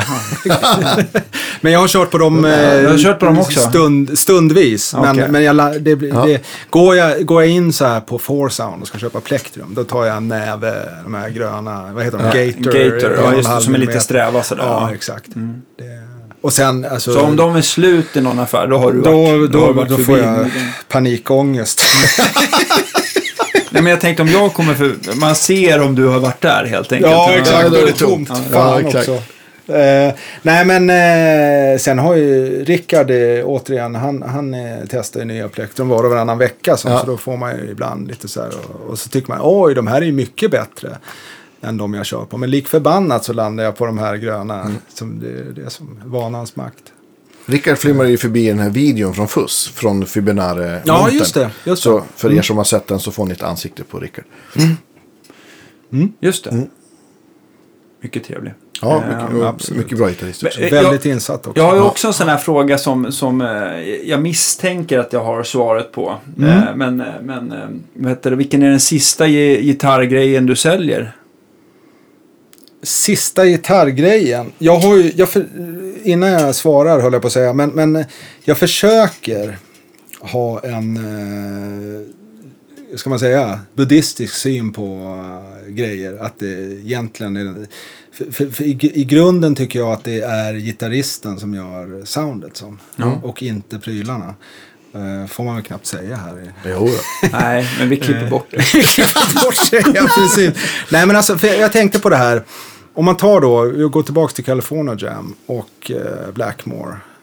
Alltså han lirar ju på en, eh, en 70-tals 73 strata med polyfinish och han har någon jävla, om man kollar noga på den, om man nördar ner sig ordentligt så har han en jävla plastgrej i stallet och sådär. Jag vet inte, för att, kanske för att lyfta upp strängarna eller något sånt. Jaha, okej. eh, och så vidare. Det ska ju inte låta bra. Egentligen. Nej. Då ska ju egentligen en, en eh, superbra 58 strata låta mycket Mm. bättre. liksom. Och det kanske det hade gjort om man hade haft det. Men det låter så jävla bra ändå. Som. Det är för att det är Richie Blackmore. Som, Mm. Exakt. Och, och det är lite så jag ser det. Eh, så egentligen instrumentet är ett instrument. Ja, men det är, alltså jag har ju sagt i någon annan podd att, att de bästa basarna jag har meckat med, alltså du vet så här, man slår ett ackord typ, Mm. ett, eh, ett E-ackord på, uppe vid tolfte band och det är sån jävla sustain. Mm. Så att man liksom, det slutar, det känns som att det är den här eh, Spinal Tap-videon, att den liksom fortsätter till en vecka. Liksom, och det blir- den är så otroligt sjunger Och det har ju varit så här, det har inte varit strängarna genom kroppen och varit polylack och det har varit de här perioderna, 70, alltså Ja. tidigt 70-tal när de inte ska vara Alla tajta. ens teorier bara faller. Ja, precis. Man bara inser att det liksom, ja, allt som... Så att jag tycker att folk ska vara lite mer, um, liksom kunna analysera sitt instrument istället för att liksom vara bara objektiva och titta på Mm. spesar på ett papper. Det, det, är, ja. det är intressant för det är, när, när vi eh, umgicks i slutet Ja. på 90-talet då hade jag väldigt tvärsäkra svar på så här låter det, så här blir det och så. Ja. Ja, ja men de inte- har fel va? Ja, precis. Nej, men, men, men idag var har jag inte det. sunt. Alltså. Nej. Ja, men idag det finns som inga tvärsäkra sanningar som, Nej. i någonting. Eh, Nej, men vi, utan, vi eh, letade väl svar väldigt mycket. Ja, jo, det var det vi gjorde. Men vi var ju, man var ju lite då under en sån här inlärningsfas också. Då, bl- då blir man ju lätt tvärsäker. Sen när man har passerat den, då börjar man inse att det man finns ju- fan inga När sanningar man inte råd att göra fel längre. Precis. Nej. Det, det, ehm, nej, alltså svaret på din fråga Ja. eh, har, har, Ja. det har du väl fått. Ja. du kan tänka dig, allt är till salu helt enkelt. Allt är till salu, ja. Precis. Allt är till salu. Jag kommer ihåg att du körde också, jag, jag köpte någon svart Les Paul 86 Mm, custom det. av dig. Ja. Den var i och för sig bra sådär. Mm. Men, men eh, jag hade den samtidigt som en 69 tror jag. Mm. Och den var ju den, fortfarande en av de här gitarrerna man ångrar att man sålde. Den var Mm. en av de snyggaste gitarrerna någonsin tillverkade tror jag. Mm. Svart 69 Les Paul custom. Mm. Men den var Eh, och sen så, vad hade du mer? Du körde väl på PRS under några år Ja, också, stämmer. McCarthy hade jag. Ja. En PRS McCarthy. Var den, hängde intakt med- eller? eller Ja, den eller var... Nej, jag hade såna här Bill Lawrence-mickar på den ett tag. Såna, såna som... Rail... eh, Ja, såna så här be- precis. dimebag. Ja, Aktiga. Kanske inte de Precis. hetaste där, men... Eh, Nej men eh, det hade jag ett tag på den. Annars var det originalmickar på den. Ja. Hade Hur, hur, hur låter de här äh, Bill Lawrence i dina? Man tänker att det är rätt Oj. mycket edge och diskant i dem och det, jag, jag, jag, vågar inte svara på det för det här är länge sedan. Alltså. Ja. Det här är slutet på Det är 90-talet. preskriberat. Ja, det är preskriberat. Det är- som jag minns, eh, som jag minns det nu, så här, vad är det, fan 20 år sedan. Mm. Så eh, tyckte jag att de lät eh, bättre än originalmickarna. Det var inte lika mycket eh, schwung i dem. Alltså det var inte, de, de, de var klarare och öppnare. Och, Mm. Men det blir ju det av den här, den, Ja. här, den typen av magnet Ja, som, som är väldigt precis. sm- smalt fönster om man säger så. Mm. så det blir Ja, det var lite mer åt, om man kan säga det så, lite mer åt single coil-hållet. Som, Mm. Fast en handbacke då. Mm. Eh, och det var väl det jag gillade med dem. Men som sagt, det är 20 år sedan så att ja. Vi, nästan mer nu än Ja. 20 år sedan. Ja, shit. Time flies. Time Men flies. PRS-arna, det är lite sådär som jag tycker att oftast när man får in det, man får ju aldrig några måndagsexemplarer. De är ju alltid Mm. liksom, de är ra, raka och snygga och fina och sådär. Mm. Men det är någonting när, med dem ibland, att de blir lite, inte, ska man inte säga för perfekta, men de blir Mm. lite så här äh, Men är det inte, lite trista tycker jag ibland. På något sätt. är det inte Det är lite väl också en sån här smaksak. Ja, nu har man ju Ja. för sig fått, nu har man ju fått känna på några som är riktigt inspelade också. De har ju varit så Ja. himla blanka och polerade ett tag. Men Mm. de, har ju, de inspelade har varit Jag har ju en Grissom PRS. Och Som den är, har ju fått mycket den stryk. är ju allt annat än blank och snygg. Mm. Mm. Mm. Den är jättebra. Ja. Ja. Men är, är det inte som, det, det, det är lite två, eller för mig i varje fall, två skilda världar. Eh, en gitarr som låter bra och en gitarr som är bra byggd är två separata saker. som- Ja, men visst, absolut. Jag menar en strata är ju egentligen, eh, det är ju världens lättaste gitarr att bygga. Det är som såga ut eh, grannens staket och, och, och göra en gitarr av det. Så. Ja, men visst. Eh, och så kan det låta hur bra som helst. Medan en, en Les Paul till exempel då, eller en, eh, de flesta Gibson-gitarrer är ju egentligen mer bet, alltså genuina byggen. Som, Precis. Eh, Luthier, eh, Les Paulen till Ja, exempel. Ja, och gamla- handsvinklar och allt gamla möjligt. Gibson också. Ja, och det finns ju precis. mycket gamla, eller så här skräpgitarrer som, som låter svincoolt. Ja, men exakt. Gamla, Precis. Var, K eller vad som helst liksom. Ja, eller hur? Jag har ju någon gammal Harmony-burk som Ja. låter, det är helt, det går inte att hitta en ny gitarr som har den Nej. skitigheten och jordigheten. Mm, Men jag tänkte på, Gibson, eh, är det någon som har liksom testat nya Gibson sen de liksom eh, gjorde om företaget med Nej, ny vd jag och allt Jag där? har testat och haft en sån eh, CC12. Är det innan eller efter? Nej, alltså jag tror att de, eh, de, de bytte väl ägare. För om du Ja, tänker du menar- 12, då är det ah. 2012 va? Ja, när kom 2013 kom 2013. CC12, det är den Ja. här... f- Ja, det, precis, du har rätt. Ja. Det är den gamla vdns Goldtop 58. Ja. Det, Ja. när, de, när de Ja. hade humbuckers tidigt på... på eh, 57 är det till och med att han har. En Goldtop 57 med humbuckers som var så jäkligt tidig med humbuckers. Eh, och sen bytte de till Sunburst där under våren. Mm. Eh, men men eh, det är en, en kopia av den. Den har jag sålt också. Mm. Eh, den var, men det är ju i och för sig efter. Ja. Men den var riktigt jävla bra den gitarren. Alltså. Ja. Eh, den 2013 gjorde de. Eh, de, de, De hade ju så här gjorde- upp till 500x eller något Ja. Precis, men de gjorde en del förändringar just 2013. De, de, Mm. Det blev en annan typ av trussrod som skulle Mm. vara mer vintage-korrekt. Att de inte Mm. är den här... Den här um, Long heel och sånt är det Ja, på den också. det, ja, Hide precis. glue tror jag de har på Hide just glue, den också. ja, precis, på det är väl så här, sina ställen. hudlim och sen så um, hot hide glue. Och sen Mm. så tänkte jag på att den här trussrodden, ibland så brukar man ju skydda trussrodden från att inte ska komma, att inte, lim ska fastna på den. Så har man ju som en, liksom en plast, att den är i en plaströr. Mhm. Hela, och den har de tagit bort då. Okej. Det ska Ja. väl kunna gå att använda tvål istället så biter inget lim. Ja, det. men, Ja. men, men det ska väl också göra att många tycker att den här plaststrumpan då dödar Ah, ja. Men eh, ja. Det är en sån där nördgrej som kanske inte stämmer i Ja, Jag verkligheten. prov... Jag, jag, jag, Det stämmer bara när man vet om det. Ja, precis, jag, jag, exakt. jag, tror, jag tror att det där kan sätta mycket griller i huvudet i alla fall. Det kommer inte bli en bättre låt i alla fall. Nej, det blir det definitivt. Och live kommer ingen ha synpunkter på Nej, vilken exakt. plastrar man har runt trussrodden. Ja, det är många som har gått från mina konserter när jag har använt polylack. Ja, exakt. Fan vad poly det där lät alltså. Fan.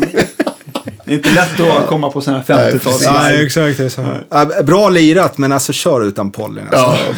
Ja.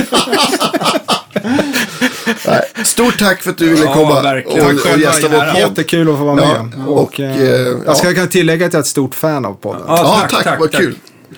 Vad heter det? Och sen får du höra av dig när det är dags med nästa alster då. Ja, men precis. Absolut. Absolut. Och stort tack till alla er som delar och likar och eh, prenumererar. Och recensera gärna på iTunes och ge betyg. Ja. Det betyder mycket för oss. Då blir vi extra glada. Stort tack för idag. Vi hörs eh, nästa vecka som vanligt. Hej då! Hej då. Hej då!